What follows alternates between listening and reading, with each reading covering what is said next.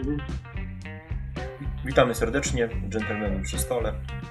Dzisiaj kolejny odcinek e, z serii Było Grane, ale było grane w większości nad stołem, czyli gry, które mm, mają ten element taki e, fabularny, czy, czy, czy wręcz negocjacyjny, który jest czasami bardziej istotny niż, niż same zasady, niż sama gra.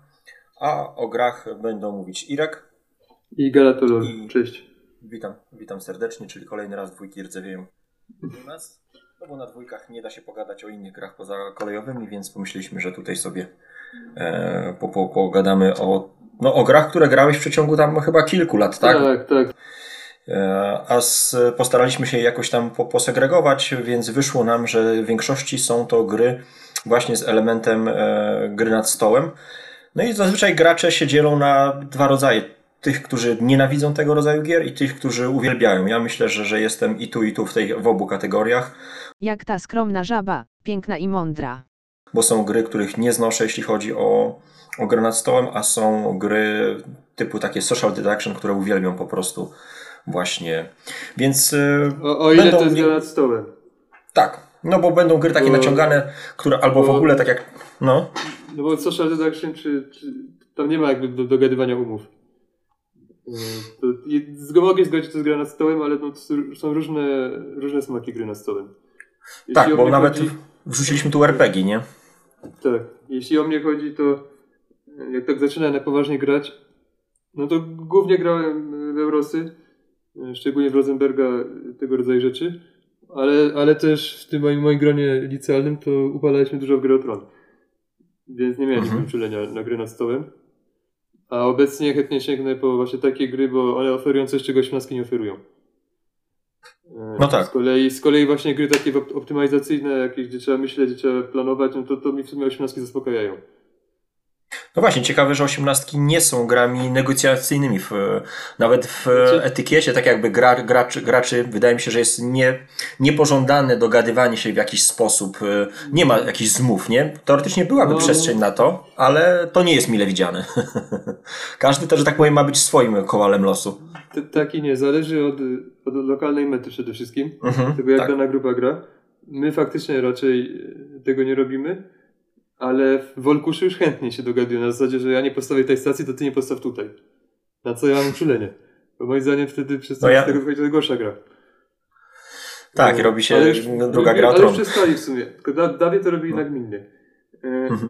I też, owszem, tam nie ma jakichś takich negocjacji wprost, ale jest dużo współdziałania nie wprost. Ktoś zaczyna kogoś traszować, inni muszą dołączyć i tak dalej. To zresztą w 17 widać, jak się zaczyna po prostu niszczenie gracza. Tak, no właśnie od razu przeszliśmy do 18, no bo ja głównie gram w 18. E, W inne gry gram bardzo sporadycznie. E, No ale jednak zdarza się. I sobie pomyślałem, że. No tak, i- mogę o paru mamy tu w większości-. No, lekkie tytuły w większości, te, które mamy dzisiaj na liście. Tak, dzisiaj pra, prawie same lekkie. W następnym odcinku będą trochę cięższe. I tak jak mówiłeś, będą e, no właśnie bardzo lekkie, wręcz imprezowe, a potem będzie jeden taki cięższy tytuł, a skończymy na RPGach. Tak No to- jest. No dobra, zaczynamy, nie? Tak, zaczynamy. Pierwsza pozycja na liście. Gra w zielone. Grałeś To jako taka- dziecko w zielone? Szczerze mówiąc, nie, nie wiem, co to jest. Wiem, że to jakiś To jest taka gra...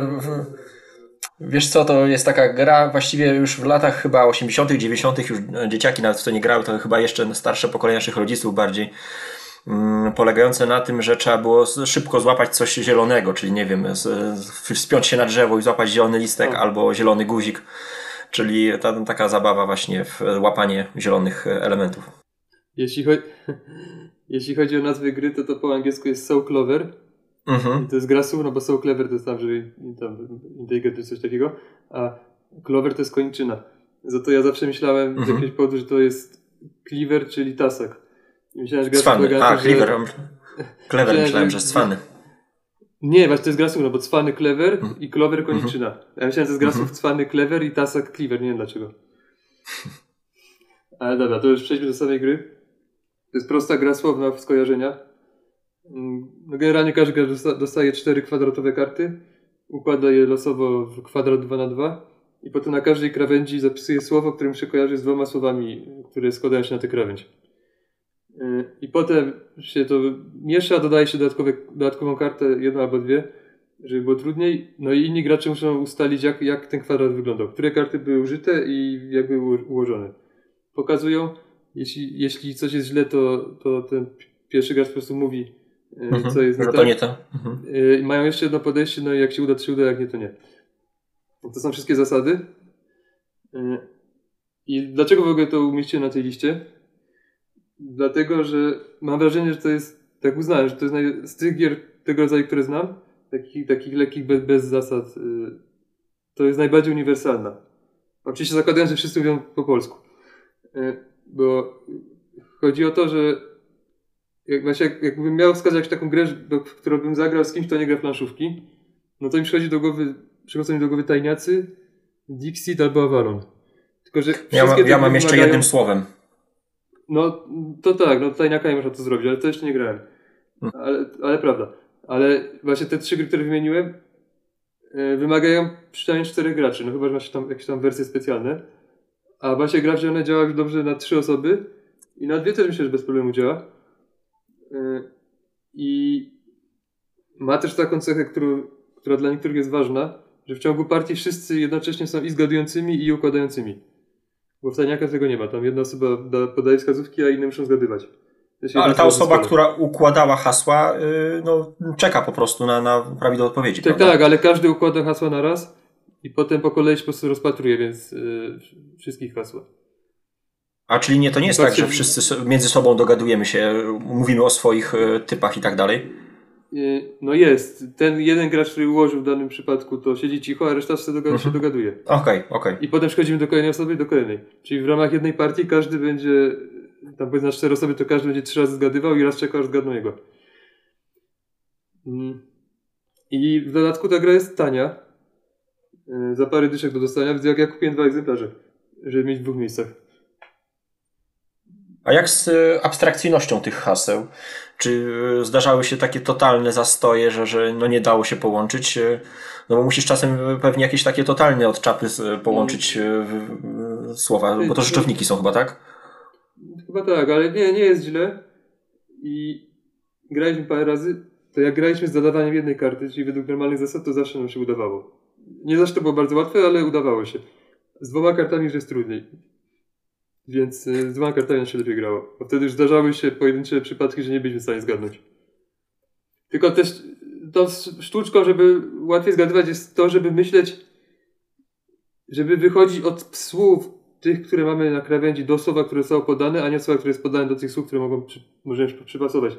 Tak naokoło to zabrzmiało, ale czasem y, można znaleźć dwa słowa, które pasują, ale akurat do tych dwóch słów tego słowa by się nie dało, tylko coś innego, znaczy bardziej prostego. Mhm. Więc to trzeba myśleć, jak tak myśli, tak się starasz po prostu wczuć w to, z czego wynika to słowo, to wtedy jest, idzie prościej. No ja Ale pamiętam, już- no, grałem w podobną grę Dynamiar. Tam też e, układałeś taką siatkę właśnie poziomopionową e, haseł i też musiały się właśnie ze sobą połączyć. Też czasem był problem e, z abstrakcyjnością niektórych haseł. Ale też dobra gierka. Tak, ale już może przejdźmy do kolejnej, bo to tylko tak chciałem wspomnieć. To kolejną grą Ale to jest, e, oceniasz, jeszcze mi powiesz, oceniasz Tak. jako grę typowo rodzinną, czy gracie też w gronie dorosłych, dobrze się bawicie też? Znaczy, no, ja grałem mniej więcej z rówieśnikami, ale to myślę, że to Mhm. będzie bardzo uniwersalne, tak jak powiedziałem. Dla, Dlatego właśnie ją dałem na tej liście, że y, na pewno łatwiej będzie w to, w to zagrać takim gronie rodzinnym niż w Avalona. Czy Decrypto na przykład, no, no tak.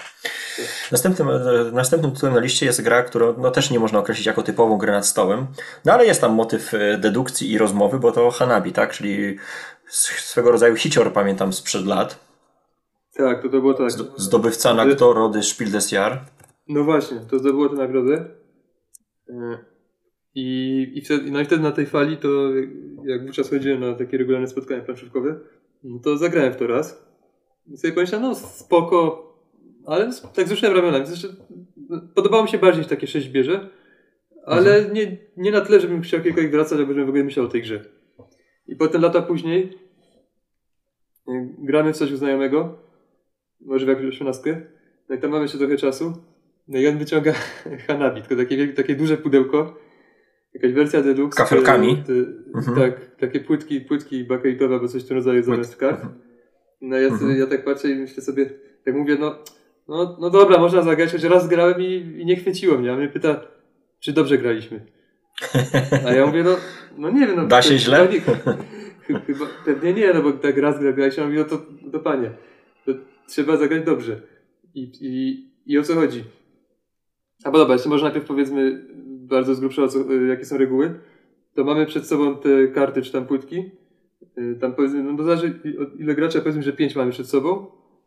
I w swoim ruchu albo mogę wyłożyć jedną na stół, albo mogę odrzucić jedną i odwrócić wskazówkę, albo mogę użyć odwróconej wskazówki, by powiedzieć któremuś z graczy, albo wskazać mu wszystkie karty danego koloru, na przykład te karty są czerwone, albo wszystkie e, numerki, bo te karty to, to, są kolorowe karty z numerkami od 1 do 5. I myk jest taki, że my nie widzimy własnych kart. Widzimy tylko, cudze, tylko cudze karty. I oczywiście granie takie najbardziej podstawowe będzie na tej zasadzie, że nie zagasz karty, dopóki nie dostaniesz dwóch wskazówek, nie masz podstawowej pewności, czym ona jest. E, I to jest właśnie takie granie, które raczej nie może zrobić roboty i też będzie na pewno bardzo trudno zdobyć jakikolwiek sensowny wynik. Tam przy, mieć 20 parę. Bo maksymalnym wynikiem jest 25 bez 5 kolorów i po prostu na koniec gry yy, każdy po prostu najwyższa karta danego koloru, jaką się udało zagrać na stół, a one muszą iść zawsze w kolejności. Jak zagramy z tej kolejności, na przykład dwójkę, zanim, jedynkę, zanim będzie jedynka, no to, no to dostajemy skucie. To sumujemy te najwyższe wartości, które się udało każdego koloru i to jest nasz wynik. Czyli 25 to jest naj, najlepszy wynik.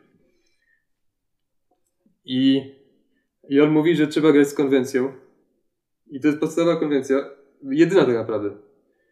E, mianowicie, że nowe karty. Jakaś, czyli jakaś meta, meta po prostu do gry. Trochę. Chodzi o to, że masz te karty przed sobą w rzędzie, czy te płytki. Mhm. I nową dokładasz od lewej strony. I co za tym idzie, ta, co jest najbardziej po prawej u ciebie, to jest ta, która jest pierwsza do odrzucenia. Bo chodzi o to, że ona najdłużej już była na stole. Jest najdłużej, nikt o niej niczego nie powiedział. Więc największa szansa, że to jest jakiś śmieć, który można odrzucić y, bez bólu. Okej, okay. więcej informacji I, dzięki temu masz. No tak, i, i są, są nie, niektórzy tacy, te takie mądrale, które twierdzą, że to jest oszukiwanie. I ja się z tym nie zgadzam, bo, bo to nie jest konwencja na zasadzie, że umawiają się, że jak dwa razy stuknę w stół, to to jest niebieska karta.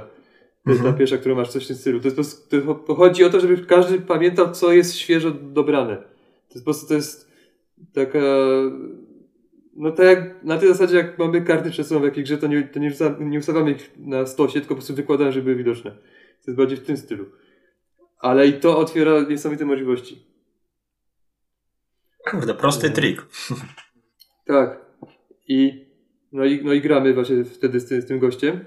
I już czuję, czuję, że gram z prosem, nie? Że, że, to, że, że, faktycznie tu jest coś więcej. Czuję, no. że i tam jeszcze trzeci gracz, on też już był taki trochę ograny w to, więc było czytam jakieś, jakieś mind gamesy i to ja nic nie rozumiem, nie?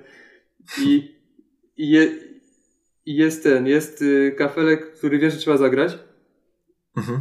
I, on, I tam generalnie jedynki są w trzech sztukach, wszystkie są w dwóch sztukach, a piątki są w jednej. E, no i jeden. I, e, a nie, dobra, to, to, no ten szczegół akurat w tej chwili nie ma znaczenia dla tej, dla tej anegdoty. Dobra, no i wiem, że trzeba zagrać ten kafelek i, i wiem, i, i wiem, że że on już ma obie informacje, e, które, e, które no, niezbędne by, by określić, co jest ten kafelek. Czyli wiem, że on, on, e, on jest świadomy tego, że, że, że to jest to, co trzeba zagrać i w swoim ruchu bierze i go odrzuca. I ja tak WTF, nie? No. WTF, co się dzieje? I on, no niestety to, to trochę złamał regułę, bo generalnie powinniśmy w ogóle mówić do siebie. Ale mówi, mhm. ale mówi, że nie, że nie jest głupi. I on siłownie, że ja mam to samo po prostu czekające na zagranie.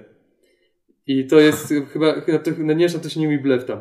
I, I to mi otworzyło oczy, że jakie tu można robić zagrywki w tej grze.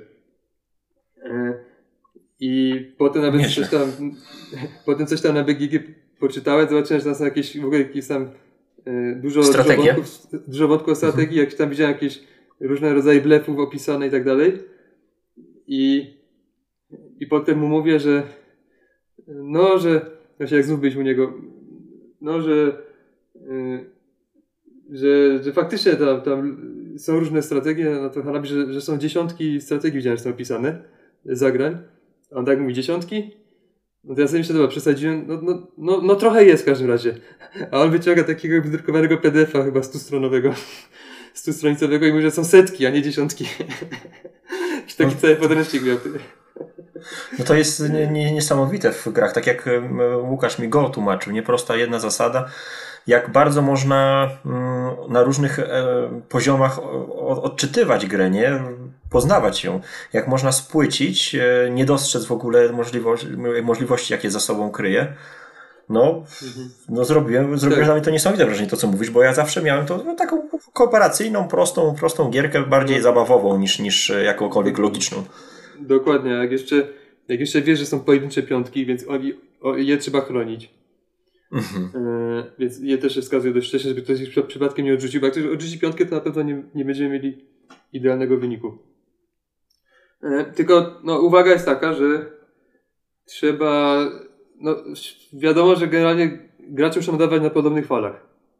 Bo tu można robić jakieś potrójne blefy, jak takie hardkorowe widziałem, widziałem sztuczki, których pewnie nikt by nie zrozumiał. Znaczy- jak, jak, Chodzi ci po podobnych falach, w sensie podobny poziom zaawansowania, tak? Znajomości gry. Podobny poziom właśnie znajomości tych już takich, jakie są tu Mhm. możliwe zagrywki takie bardziej wyszukane. I też, I też są dwie szkoły, że czy trzeba komuś, czy ważniejsze jest dawanie komuś infa o świeżo dotrzeniętym kafelku, czy o kafelku, który zaraz odrzuci. A jak mówię kafelek, to to kafelek ukośnik karta. E, No, rozumiem, no. i, znaczy, i pa- pamiętam taką partię, grałem kiedyś z bratem i z siostrą. Y, I, I on mi mówi coś, y, i chyba było tak, że po, po, pokazuje mi, mówi, że niebieski i pokazuje najnowszy mój i, na, i najstarszy kafelek. To dla mnie było jasne, że chodzi o to, że to jest najstarszy, żebym przypadkiem nie wyrzucił. No to zagrywam ten najstarszy i okazuje się, że skrócie. I on miał na myśli, że chodziło o najnowszy. I mówi mi, że przecież jakby to był najstarszy, to już dawno bym dostał to info, a, a dostałem info świeżo po dotrzeniu nowego, więc to było logiczne, że to jest nowszy. O No i właśnie na kurde. trochę innych falach nadawaliśmy. Ale właśnie, jeśli, Mhm. jeśli, jeśli ko- dla kogoś to brzmi atrakcyjnie, to co mówię, to musi koniecznie to sprawdzić Hanabi. Jak, Mhm. jak generalnie, jak są Mhm. ludzie, jak są ludzie, którzy lubią jakieś takie łamigłówki, e, takie dedukcje i tego rodzaju rzeczy, i nie podoba im się Hanabi, to moim zdaniem właśnie źle grali, tak jak ten kolega powiedział. Mhm. No, no, odkrywasz zupełnie na nowo przede mną. Nie grałem nigdy w ten tytuł, bo jakoś nie, nie, nie, nie interesowało mnie to, co widziałem tak powierzchownie. A tutaj opowiadasz no, niesamowite rzeczy. Jest tak prostego tytułu, żeby wyciągnąć e, taką metę. Kurde. Tak. No i widzisz, i dlatego ja też nie, nieraz się zachwycam właśnie ludźmi, którzy 40 lat grają w brydża, no. Że Mhm. dostrzegają po prostu takie rzeczy, które no świeżak nigdy nie, nie, nie, nie Tylko zauważy. Ja też generalnie go, brydż, szachy, poker, to, to jest troszkę inna gałąź planszówek. Znaczy gier bez prądu. No E, tak. To tam jest, to jest trochę też lifestyle'owe. yy, To nie wiem, czy to są naj, najlepsze porównania. yy, No ale generalnie tak. No generalnie jest tak jak mówisz, że po prostu No bo w yy, takiej grze już nie chodzi o zasady, tylko o to, jak dobrze się do, spasujecie, dopasujecie do siebie, jak stworzycie ten język taki komunikacji, nie? Jak będziecie odczytywać e, Tak, tylko żeby, tylko żeby nie swoje przesadzić sygnały. właśnie. Mhm. Bo nie chodzi też o to, żeby Mhm. było tak, że o zawsze jak mi mówisz info o, o nowym i starym, to będzie ten nowy, który ma zagrać. Aha, Bo to właśnie już, już to, może, to może już wejść na terytorium oszukiwania. rozumiem, no. Więc y, to no, no w każdym razie jak, y, y, my, no ja nie mam tego problemu właśnie jak gram, że nie mam poczucia, że poprzez te takie różne jakieś wskazówki, że jakoś wkrada się oszukiwanie. Jedyny problem, który jest czymś takim, to jest to, że nie, nie, powinniśmy, nie, powi- nie powinniśmy nic mówić. Mhm. Każdy nawet taki powrót czy coś, to już może zdradzić. No tak. To tak jak trochę w Decrypto, jak twoja drużyna odgaduje hasła, ty mm, zaciskasz zęby, czy odwracasz wzrok, to nie, i tak się zatrzymuje ten ołówek na, na, na tej numerce, no, na tym numerku i tak, no, no to chyba nie to, można rzeczywiście każdą jeszcze- drobną e, mimiką. No. Jeszcze, jeszcze tylko parę słów o wersji Deluxe. Mhm. Y, Jak ja kupowałem, bo oczywiście po paru partiach musiałem kupić, to y, były dwie, dwie, dwa wydania. Grałem oboma, oba są, oba są równie spoko. Y, I i wydaje mi się, że parę lat temu było trzecie. W każdym razie zachęcam do kupna wersji Deluxe. Jak ktoś może. Bo, no po pierwsze są takie płytki, jest ten Toy Factor. E, co prawda one potrafią się rysować, ale to tylko widać, że jest grane. Ale przede wszystkim chodzi o to, że nie musimy ich trzymać w ręce kart. Możemy sobie spokojnie rękami obsługiwać, bo po prostu ustawiamy sobie w rządku na stole. I do tego, to jeszcze możemy, normalnych, w normalnych Hanabi chyba karty są kwadratowe, a te, te płytki są prostokątne, więc my mamy taki zwyczaj, że jak wiemy o jakiejś płytce, że jest do odrzucenia, typu wiemy, że to jest jeden, a wszystkie jedynki są zagrane, to po prostu kładziemy to bokiem. I wiadomo, to zawsze, zawsze te leżą bokiem, to już wiadomo, że one są do odrzucenia, yy, więc jak muszę coś odrzucić, to biorę którąś z nich, inni nie powinni mi yy, nic o nich mówić i tak dalej. A jeszcze w ogóle, ja już mam takie, ja mam takie mapy, ja mam takie mapy w głowie. Ja sobie ustawiam te płytki w, w odpowiedni sposób na stole, że tak sobie wyobrażam taką wizualizację, taką siatkę, że to są jedynki, to są dwójki, są trójki, to są niebieskie coś i, i w ten sposób zapamiętuję mniej więcej informacje, choć czasem można się machnąć. no bo to, to czasem zdarza, zdarza się, że dostaję informację o jakiejś płytce, powiedzmy kolor yy, i, to, i to powinienem już pamiętać, ale może minąć ileś tam, ileś tam y, ruchów, zanim w ogóle tam dojdzie do zagrania. I, Więc... masz specjalne sposoby ułożenia, żeby wiedzieć, tak, jaki to kolor? Tak, stole i to, tak, mapuję sobie to w głowie. Ale czas, ale, ale no generalnie możemy zapytać innych, co to było, tylko chodzi o to, żeby, żeby pamiętali, co, co mówili, nie? Mhm, mhm. Żeby przynajmniej, przynajmniej tak podzielić, że tutaj o tych wiem kolor, o tych wiem wartość i wtedy mogę dopytać. No bo jak, bo dobrze moglibyśmy zapisywać po prostu z tyłu. No a powiedz mi, e, no bo to jest gra od dwóch osób i ona rzeczywiście na dwie osoby e, śmiga? Grałeś? E, Dwuosobowo? Nie, nie na dwie osoby nie. jakoś nie ciągnęłoby mnie, ale na trzy śmiga. Mhm. Okej. Okay. Na trzy, właśnie na trzy, chyba, na, chyba właśnie na trzy można robić najtańsze blefy. Takie fajne, widziałem opisane na biegi, już nie pamiętam, ale to było tak hardkorowe. Yy, miałem sprawdzić przed tym nagraniem, ale zapomniałem. Ale to tak, ta, taka dedukcja była w tym blefie, E, potrójny blef jakiś. Taka zagrywka była pisana na BGG. Blef w grze ko kooperacyjnej. Tak, tak, oni na to mówią, to jest chyba chodzi, w tym chyba chodzi o to, że y, o przekazanie więcej informacji niż się pozornie wydaje. Chyba tak coś takiego określają no, no. Y, no dobra, to idziemy dalej. Gra dla przemytników, no.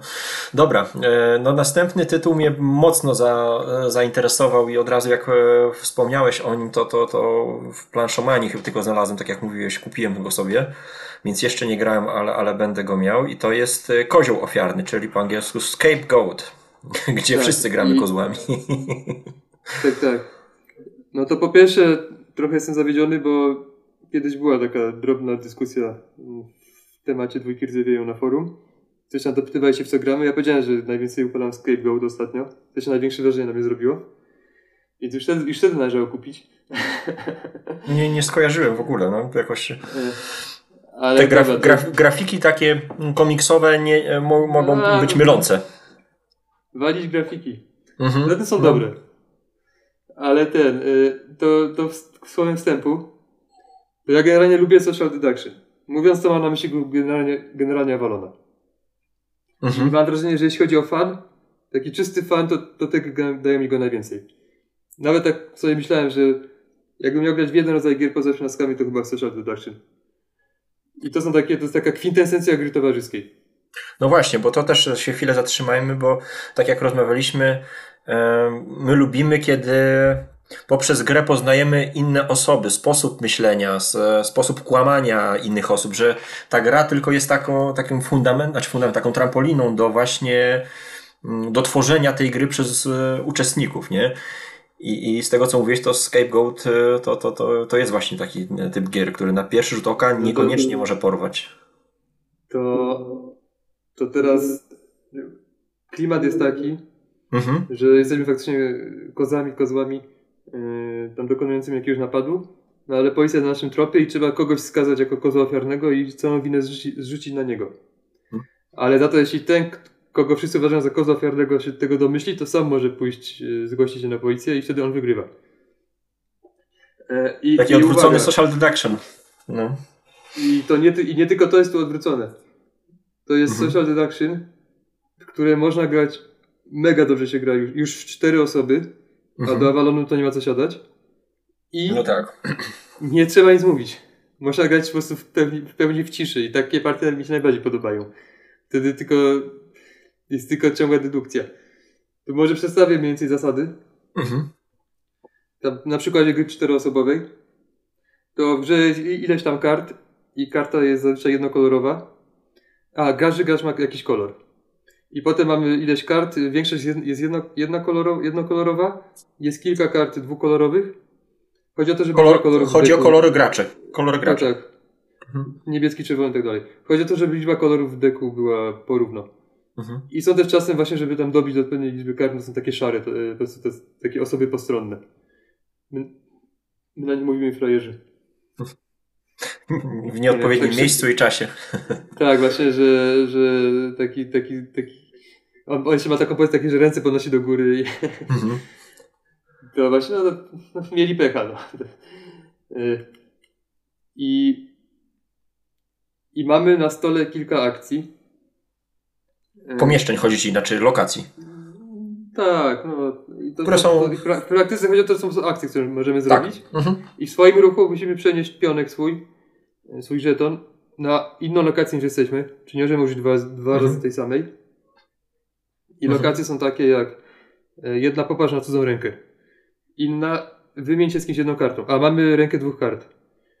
E, jeszcze inna to jest schowek, że tam leżą trzy karty do góry nogami i po prostu możemy sobie jedną wziąć i potem oddać dowolną na jej miejsce. Mhm. E, I czwarta lokacja, e, czyli właśnie Donieść na wyrabianie. policję. Nie, nie, wyrabianie. Nie? Aha, okej. Wyrabianie. Najpierw, tam, na- najpierw tam leżą dwa kamyczki A, Okej. Mhm. i w momencie, kiedy kamyczki schodzą, to ktoś, kto to idzie na, na tę kartę, jeśli nie ma kamyczka, to kradnie komuś kamyczek, a jeśli ma, to może y, odpalić głosowanie. Na 3-4 każdy zagrywa kartę. Jeśli wszyscy, y, którzy nie są kozłem ofiarnym, mają, zagrali kolor kozła ofiarnego, to się udało go wyrobić. No bo właśnie nie powiedziałem najważniejszego, że mamy takie tabelki. Właśnie, jak to się zaczyna? Mhm. Tak, mamy tabelki, każdy gracz ma tabelkę. Rzucamy dwiema kostkami, to nam podaje współrzędne w tej tabelce i tam jest kolor jakiś. I wszyscy poza jedną osobą mają ten sam kolor. Czyli na cztery osoby to powiedzmy trzy, trzy osoby mają czerwony, Tak, a czerwony ma zielonego. tak. I Tylko, on że on myśli, nie że wszyscy... tylko- Tak, Tak, on on myśli, że... zielony. że wszyscy pozostali też mają zielony. E, Piękne I potem- po prostu. No. tak, i w trakcie partii chodzi o to, żeby ci, co nie mają, co mają, e, co mają, e, powiedziałem czerwony, nie? No w każdym razie, co mają tego kozła, e, czyli nic, co mają zielonego, tylko ci, co mają czerwonego chyba. Nie wiem, co powiedziałem. No w każdym razie ty- ci, żeby mieli kartę odpowiedniego koloru w momencie, kiedy odpalamy wrabianie. Ale jak on się domyśli, to on po prostu idzie na pały i, i się zgłasza na policję i jeśli faktycznie on był kozłem ofiarnym, to wygrywa. Jakie tu widziałeś metody, nie wiem, dogadywania się, e, No to właśnie... informowania, że ja jestem z tej drużyny, nie, nie, jednocześnie nie podając To- informacji kozłowi ofiarnemu. To, to, to jeszcze no za, za chwilę powiem. Dobra. Mhm. Ale naj, poprzedzę to tym, że trzeba koniecznie zagrać parę razy. Jak to odpalicie pierwszy raz, bo, bo to generalnie my w to gramy pierwszy raz i co to w ogóle jest, nie? Co, co ja robię, co mam robić? WTF. Ale na szczęście zagraliśmy trzy razy z rzędu i trzecia partia już była dobra.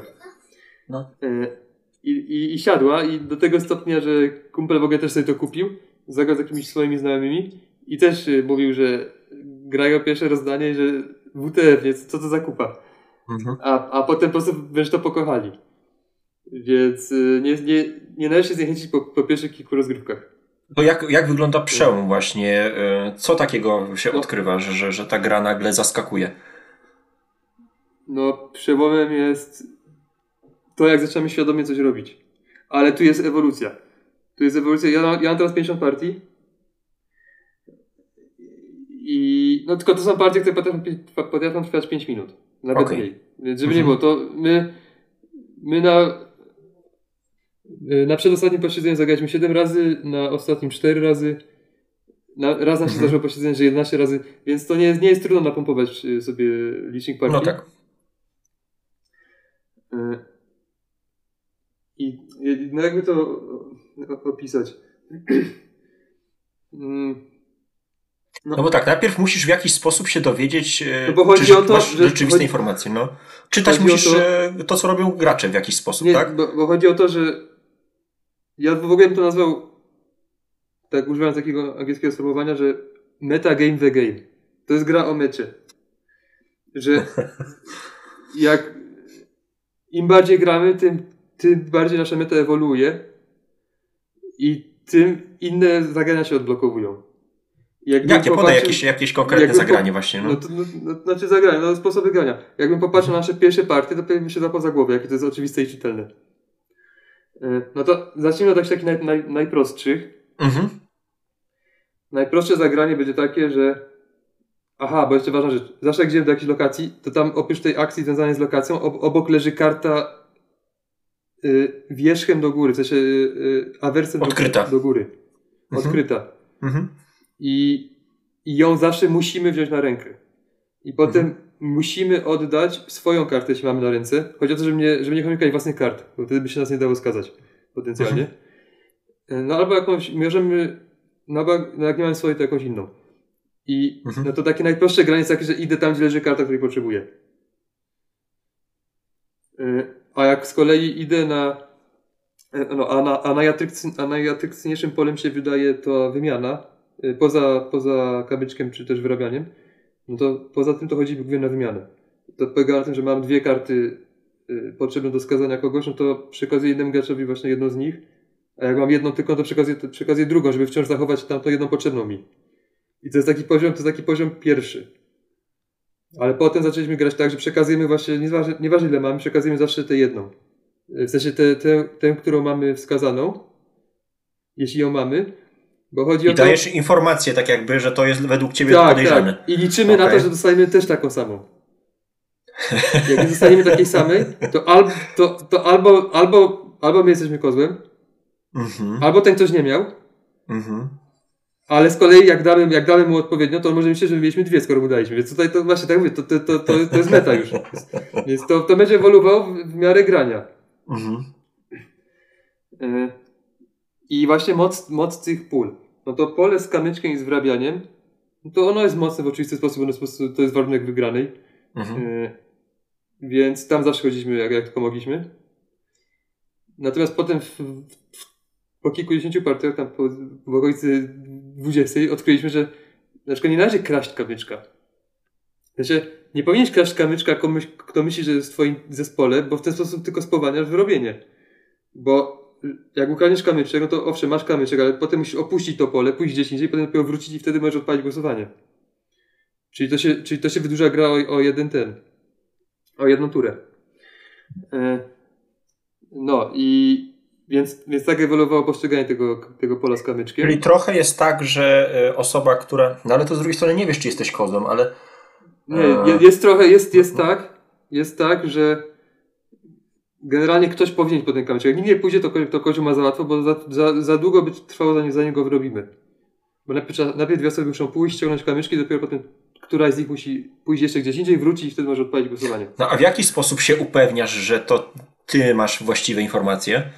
Kiedy jest taki moment, że, jak dostajesz jakieś karty, tak? Od, powiedzmy no, od innych. Podam zaraz parę przykładów, mhm. ale właśnie to jest przykład ewolucji tamtego pola. Że teraz mhm. generalnie tak, że ktoś musi iść po to, dwie osoby muszą po to iść, wziąć kamyczek, ale potem raczej nie ma co na siłę im go odbierać. Mhm. Wymiana kartami to już powiedziałem, jak trochę to ewoluowało u nas.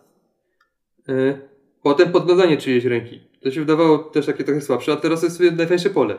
Bo wiesz dokładnie, co, co, co ten ktoś ma. Wiesz, czy to jest osoba, której potem należy pomóc, porzucić kartę. Yy, wiesz, czy. Yy, czy. czy no, w momencie, jak, ta, jak, jak ten ktoś potem weźmie kartę, zrobi takiego grup, weźmie kartę na rękę, to i tak wiesz, co on ma, co, co ta osoba ma, no bo widziało się dwie poprzednie i teraz doszła po prostu jedna nowa, jedna osoba no bo bierzemy ze stołu jedno, jedno odkładamy. Zawsze mamy dwie na, dwie na ręce. Mam nadzieję, że to, że to klarownie opisuję. Bo, yy... Dobra. Ciężko się ją na pewno tłumaczy, tak, bez pokazywania elementów. Tak. Ale mam, mam, mam, chcę przekazać te, te emocje i, i te rozkminy. Mhm. Bo jest to pole, jest to pole schowka. Mhm. Gdzie są trzy zakryte karty. I tak, no i ono jest takie najgorsze ale ostatnio dużo, dużo gramy pod nie, właśnie najwięcej na to chodzimy. Po pierwsze, to może być sposób, tylko to jest trochę challenge farta, że dostaniemy kartę, której potrzebujemy, nie biorąc jej wprost ze stołu. Okej, nie zdradzając czyli, się. Czyli ten kozioł nie będzie widział, że właśnie wzięliśmy jego kolor. No ale ty cały czas nie wiesz, że, że to nie ty jesteś kozioł przecież, nie? Ale to, to jest, zawsze pieszką się gramy tak, żeby, znaczy raczej tak się powinno grać, Mhm. e, żeby mieć e, odpowiednią kartę, a potem patrząc po ruchach innych określamy, czy jesteśmy kozłem, czy nie. Mhm. Ale, ale no należy dążyć do tego, żeby mieć odpowiednią kartę. I teraz ten schowek oka- okazał się mocny. Do tego stopnia, że nawet były u nas, u nas myki, że ktoś zostawia kartę po to, że ktoś inny potem po nią poszedł. I to już, i to już jest 100% mind games i, i w No. ciemno wiara, ale, ale też, bo właśnie. Na, Ale ty, to jest piękne, że gra mówi, możesz mówić wprost wszystko, więc ty możesz powiedzieć, słuchaj, zostawiłem ci tu fajną kartę, idź do schowka. Tak, mo, można mówić. I to może być troszkę minus, bo chodzi o to, że jak dojdzie do momentu, że już czujemy, że jest ostatnia, ostatnia kolejka na robienie kozła, Mhm. y, że jak dojdzie do niego, to on już, on już, on już to wyczuł i pójdzie, pójdzie się zgłosić na policję, Okej. to powinniśmy w sumie grać w otwarte karty, tak, tak naprawdę. To jest mówić wprost, ustawiać i, i to by trochę straciło klimacik. Mhm. E, ale, ale właśnie poczułem, żeby poznać, że to my jesteśmy kozłem. No. Tu też meta, meta ewoluowała. E, Ale najprostsza, najprostsza wskazówka, po prostu nasze karty schodzą ze stołu. Te widoczne. Okej. Każdy bierze tam sobie różne kolorki. No. Tak, każdy bierze, każdy bierze trochę te karty. No to nie, to, to, to, to, to, to, to śmierdzi. Już Patrzysz, że, że żółty kolor jest w modzie, no to się zaczynasz interesować. Tak, tak. Jak, jak, jak jestem żółty, to, to kurczę, to chyba, chyba się zgłoszę. Ale właśnie to jest, to jest fascynujące w tej grze, to jak to wszystko ewoluuje. I w ogóle tak y, notabene z powodu tej gry właśnie wymyśliłem, że po, popowiadam o innych grach. I potem inne dołożyłem dla pretekstu, żeby był cały odcinek. Ale to, to tak... Ale ja chciałem, ja chciałem tę grę trochę bardziej wypromować. Mhm. E, I tak. I potem kiedyś odkryliśmy, że w sumie nigdy nie wchodzimy w interakcję, w interakcję z kozłem. Jak kozioł zacznie o tym myśleć, że nikt, nikt, nikt, jemu nikt nie podaje karty, na jego kartę nikt nie patrzy, to w sumie po co trzeba poznać, że jesteśmy kozłem? No ale doszło do tego, że, że w, jednej z ostatnich partii ja zacząłem czuć, że jestem kozłem, No. e, że no coś schodzą te moje karty, coś tak, kurczę, dobra. I powiedziałem sobie tak, jeszcze dwie osoby przede mną, powiedziałem sobie, jeśli którakolwiek z nich zrobi coś ze mną, to idę na, idę na policję. Bo to znaczy, chcą uśpić moją czujność tak na ostatniej prostej. I nie zrobili. Bo się w ogóle ole- olewali, robili coś i, i, to, i, i, i, nie dość, że, że, że nie zrobili czegoś ze mną, to już nawet jedna moja karta się pojawiła na stole. I na tej poszedłem na policję. Scena z ojca chrzestnego, jak on powiedział, pierwszy, który, który będzie chciał rozejmu, to jest zdrajca. Ojej, No i tutaj tu- wy, od, od, wy, wy, wykrywanie tego zdrajcy, no, czy ja jestem zdrajcą, no niesamowite. Nie, to, to, to jest po prostu mega. Albo jak była jakaś partia, że jestem przekonany, że jestem kozłem, już żałuję, że nie poszedłem po poprzednim ruchu i na, na 100% idę i potem dwie osoby z rzędu moją kartę wystawiają na stół. Mhm. No to już nie poszedłem, bo, to, bo coś się tu dziwnego dzieje. No tak, bo Ale- skoro twój kolor jest wystawiany, no to... Tak. Ale jaki jest potencjalny minus i siła kozła? Mhm. Taki, że my nie wiemy, kogo on ma na karcie. I chodzi o to, że może zdarzyć partia i to po prostu tego nie wiemy. Że powiedzmy, że wszyscy się pozbawią niebieskiej karty, a kozioł ma właśnie niebieskiego. To on wie, dobra, wszyscy się pozbawią niebieskich kart, a ja niebieskiego, to znaczy, że, że, że on nie ma niebieskiego, czyli znaczy, że mają mnie, idę na pały. I, I my już to obeszliśmy trochę. Teraz gramy tak, żeby zawsze pilnować, żeby były równomiernie karty na stole. Tylko to już, to już, to już jest wyższy poziom. I randomowi w jaki sposób y, w, mieszają w grze? Nie, szarzy są po prostu bez koloru, Mhm. a wielokolorowi są każdego koloru. A po co są ci Czyli jak szarzy? jest... No bo powiem, żeby liczba kart się zgadzała. I szarzy, i szarzy Aha. są błogosławieństwem, bo jak mamy szarego na stole, to możemy iść do danej lokacji i nie wzbudzi podejrzeń. Mhm. I, I właśnie to jest taki troszkę minus, więc, więc że to, że nie wiemy co kozioł ma, więc możemy przez przypadek tak grać, że szybko mu zdradzimy, że nie mamy tego co on ma, czyli y, on się domyśli, że sam jest kozłem. Mhm. No ale właśnie można próbować to obejść poprzez to, żeby starać się zachować równy miks kolorów na stole. I było super zagranie w ostatniej rozgrywce, jaką graliśmy. Super się zdarzyło, że e, ja jestem żółty, tam jeden, jeden kolega jest fioletowy i ja go mam jako kozła, tego fioletowego. Mhm. E, I, I już czuję, już widzę tam, bo tam patrzyłem na wciąż rękę, coś na siebie wymieniliśmy kartami, wiem, że generalnie już mamy odpowiednie karty, trzeba wrabiać, tylko ja nie, mam, ja, ja nie, mam kamyczka, no to osoba, po, osoba tam kolejna, ktoś tam sobie y, będzie wrabiała, ale żeby uśpić czujność tego fioletowego, no to ja mu przekaz, no to idę na jego, idę na pole tam wymiany kart i jego wybieram, że jemu chcę podać kartę, daję mu zieloną, dostałem zieloną. E, Po prostu dałem jakąś tam losu przypadkową. I dostałem zieloną. No i potem on, on poszedł na wrabianie i go wrabiliśmy.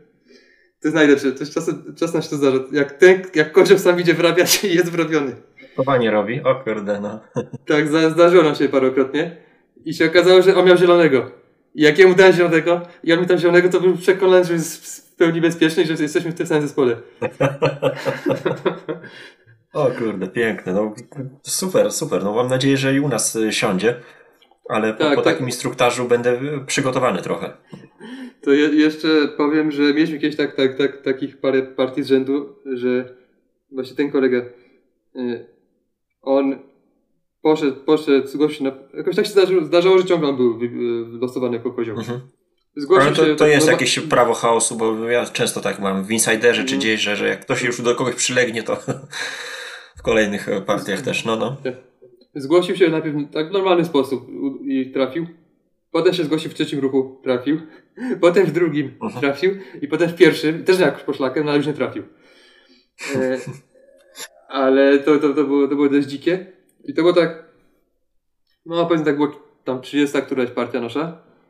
I wtedy miałem trochę poczucie, że nam się trochę już rozgryźliśmy grę.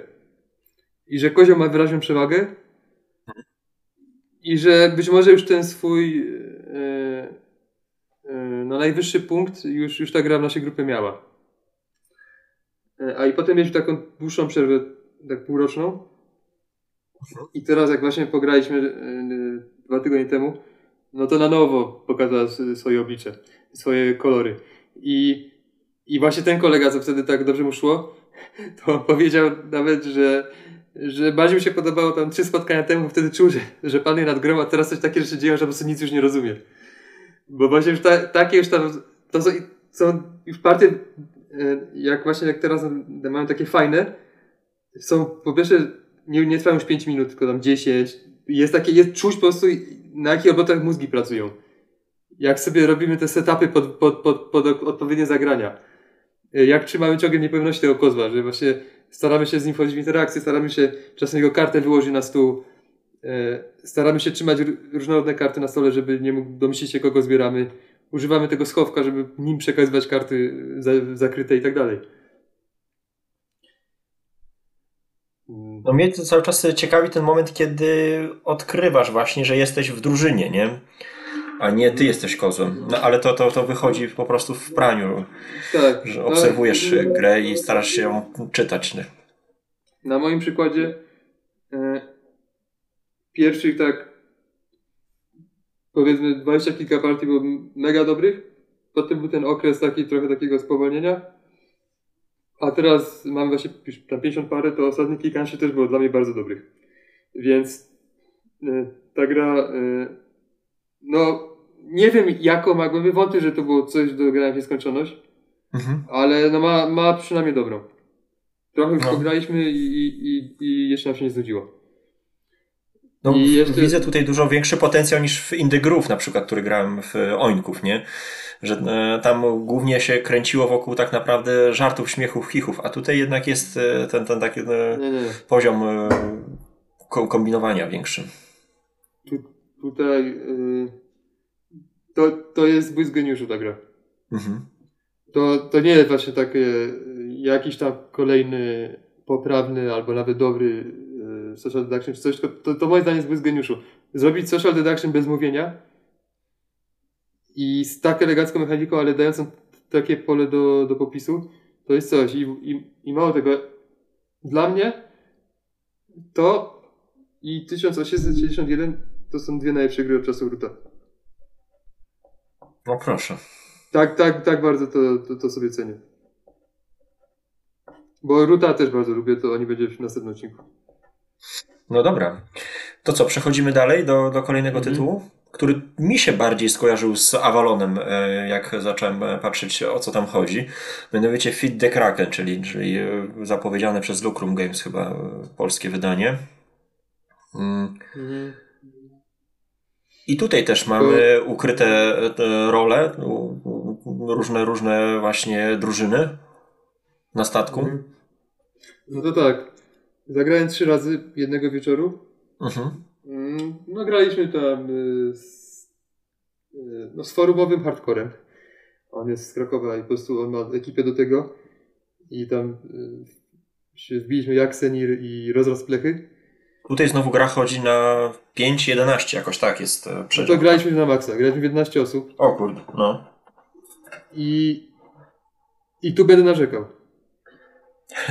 Mogę Okej. powiedzieć, czym jest gra. Chodzi o to, mamy statek i mamy, no jesteśmy marynarzami na tym statku i są wśród nas ukryci piraci, Mhm. a także kultyści dwaj, Okej. którzy nie znają swojej tożsamości. I to jest tak, piraci wiedzą, kto jest piratem, Mhm.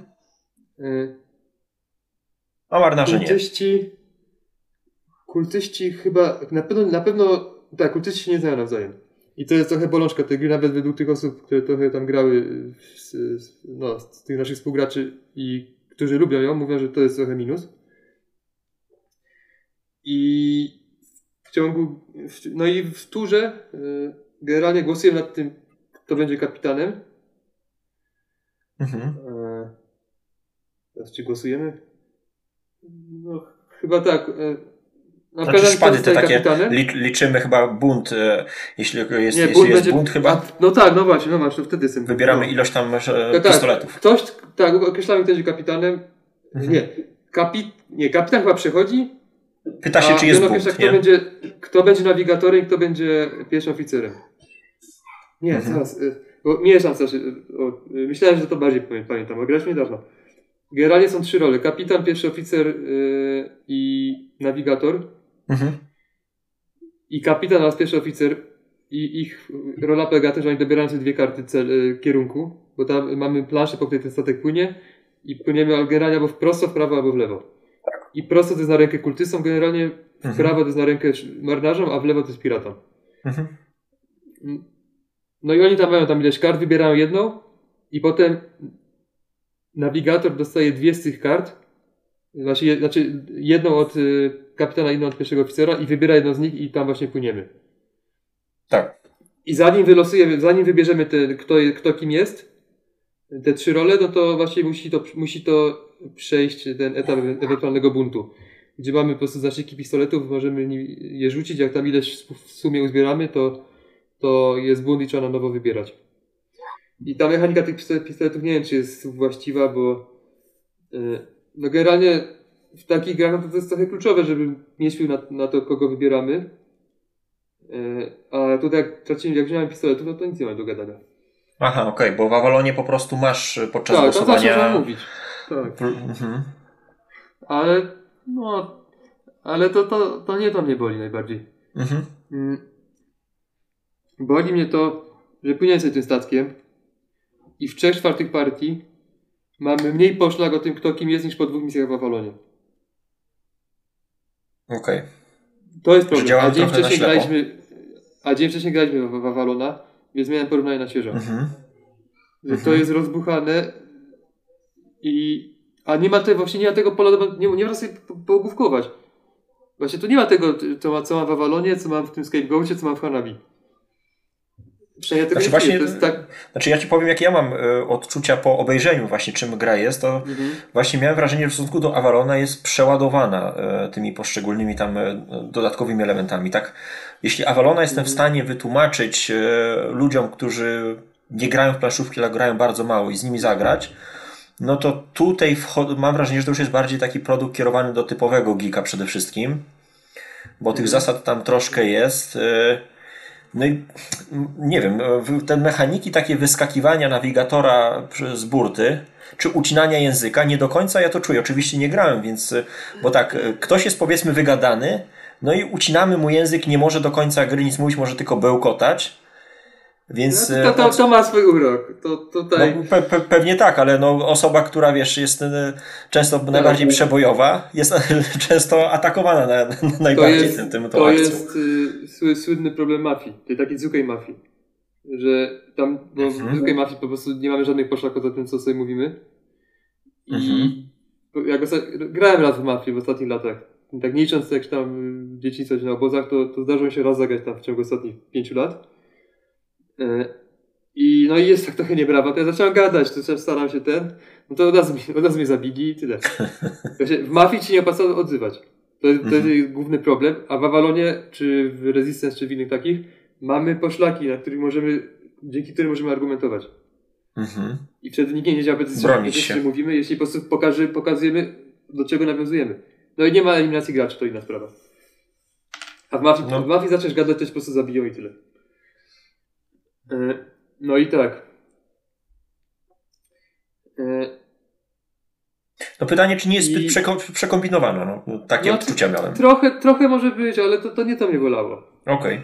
Mnie bolało to, że nie możemy dedukować, że jest kasus trochę Battlestara Galaktyki, czyli yy, zdradzisz się za bardzo z ruchem, to już to za bardzo jest transparentne to, jak, jak, No tak, no bo, no bo mapa jest bardzo malutka, także no. A, do, a do szkatułki lądują tylko dwie karty. Tak, no właśnie. Ja, ja raz byłem tym, y, tym kimś, kto. Tak, nawigatorem, tym, kto wybiera kartę. I byłem piratem. Mhm. Przyznam, że to był jeden z pierwszych ruchów. Mhm. Gdzie pewnie tak jak w Avalonie nie, mhm. nie należy zagrywać, zagrywać e, porażki raczej. E, tak, ale ukry, ukrywasz się. Mam 11 osób, to jest pierwszy raz, jak jestem nawigatorem w, tam w trzy partie zagram na naszą korzyść, bo, bo potem odbić tam, jak powiedziałem bardziej w prawo, to na zamiast dwie tury więcej, żeby odbić w lewo. Mhm. No i zagrałem, a tu karty są niby trzech kolorów, ale mają już takie symbole dodatkowe, które, takie dodatkowe tak. efekty, które się odpalają. Butelka tam jakaś, to, no. te, te efekty to pół biedy. Problemem jest to, że dzięki nim ktoś, ktoś wie dokładnie, czy tego karta co dał i czy to było zagrane. Wydaje mi się, że to, że to, nie działa okay. na, na, korzyść, na korzyść gry. Bo za to mhm. można wiedzieć, że to właśnie, że, że dałeś kartę, i to nie ona została zagrana, bo, y, bo jak była po prostu czerwona, to nie jest, jest twoja czerwona, czy cudza czerwona, czy coś, ale ty dałeś czerwoną z, z jakimś, jakąś ikonką, y, a wyszła czerwona z inną ikonką, to wszystko wiesz. no, ale, ale piraci się widzą, więc oni i tak wiedzą, że, że no. kto jest piratem, tak? Więc to im akurat nie tak, przeszkadza. Znaczy, w tym przykładzie użyłem czerwonej, ale to, to samo się tyczy niebieskiej albo, zielon, albo zielonej. Okej, okay, okej. Okay. Mhm. I no i generalnie to dochodzi do tego, że ktoś po prostu ogłasza, że dał, dał kartę odpowiednią i nawigator nie wybrał i od teraz wszyscy wiedzą, że ktoś z nich jest zły. Mhm. A to są I tylko trzy osoby. Dwie nawet. Nawigator wybrał, a ktoś inny podał mu, obie, obiecuje, że podał mu dobrą kartę. No to ktoś z nich kłamie. No ale z trzech osób, tak? Bo nawigator wybiera, a dwie osoby, e, tak, tak, ale, ale mówię o tym, że jed... Tak, tak, ale jak scenariuszu, gdzie pierwszy oficer mówi, że dał dobrą kartę, to dwie osoby mamy teraz, że ktoś z nich na 100% kłamie, ktoś na pewno nie. Mhm. To ma na myśli po prostu. Że, że i, to, I to akurat są poszlaki, bo narzekałem wcześniej, że to jest za mało poszlak, no to jest jakaś poszlaka, to to przyznam. Mhm. Ale jest z kolei taka zbyt mocna. E, I jeszcze jest jeden problem, że w tej grze ja po prostu modliłem się, żeby tak najrzadziej wychodziło. Bo w tej grze są właśnie te efekty tych kart i tam jest coś takiego, że się kultyści nowi pojawiają. Bo celem kultystów jest do, wpłynięcie w Krakena. Jest taki tak. ludzik Krakena na planszy, mamy w niego wpłynąć, albo w, albo w jego macki. E... Czy też wyrzuc... I też na znaczy, pewno... Znaczy, jak, znaczy mają być złożeni też w ofierze e, Krakenowi, to też wtedy wygrywają. Jak ktoś ich wyrzuci za burtę, żeby nakarmić Krakena. Bo jest taka opcja tak, właśnie, bo chodzi o to, że jak pływamy w Krakena, to musimy kogoś wyrzucić tak, za burtę. Tak, i nie może to być kultysta. Wyrzucić, Musimy wyrzucić lidera kultystów, wtedy wygrywają kultyści. Tylko kultyści nie wiedzą, kto jest kim. Mhm. E, znaczy, wydaje mi się, że król kultystów wie kto, wie, kto jest kultystą, ale na pewno kultysta nie wie, kto jest królem. I przez to to jest trudne. I właśnie są karty, że dochodzą nowi członkowie kultu w trakcie gry. Czyli w trakcie gry pirat się może zmienić kultystę. Albo żeglarz się może zmienić kultystę. Aha. Ale czemu mi się to nie podoba? Bo to samo w sobie jest ok. A nie podoba mi się to dlatego, że to jest to, czego najbardziej lubię w tych grach. Czyli ten etap zamykania oczu, że a się poruszy, a ktoś otworzy oczy. Yy, Aha. Wtedy co nie trzeba. I tutaj to mamy w połowie partii. I to parę razy. Dodatkowo, poza początkiem. I mało Oj tego, tak, jest no jeszcze to w. Insiderze, w- Insiderze wiele razy resetowaliśmy, że tak powiem, e, partię, ale to jest na początku, to nie ma problemu. No, ale tu w środku dokładnie. partii, no to może być problem. I, w, środku, w środku partii parokrotnie i jest jeszcze gorzej. Bo tam jest coś takiego, że to król namaszcza kultystę.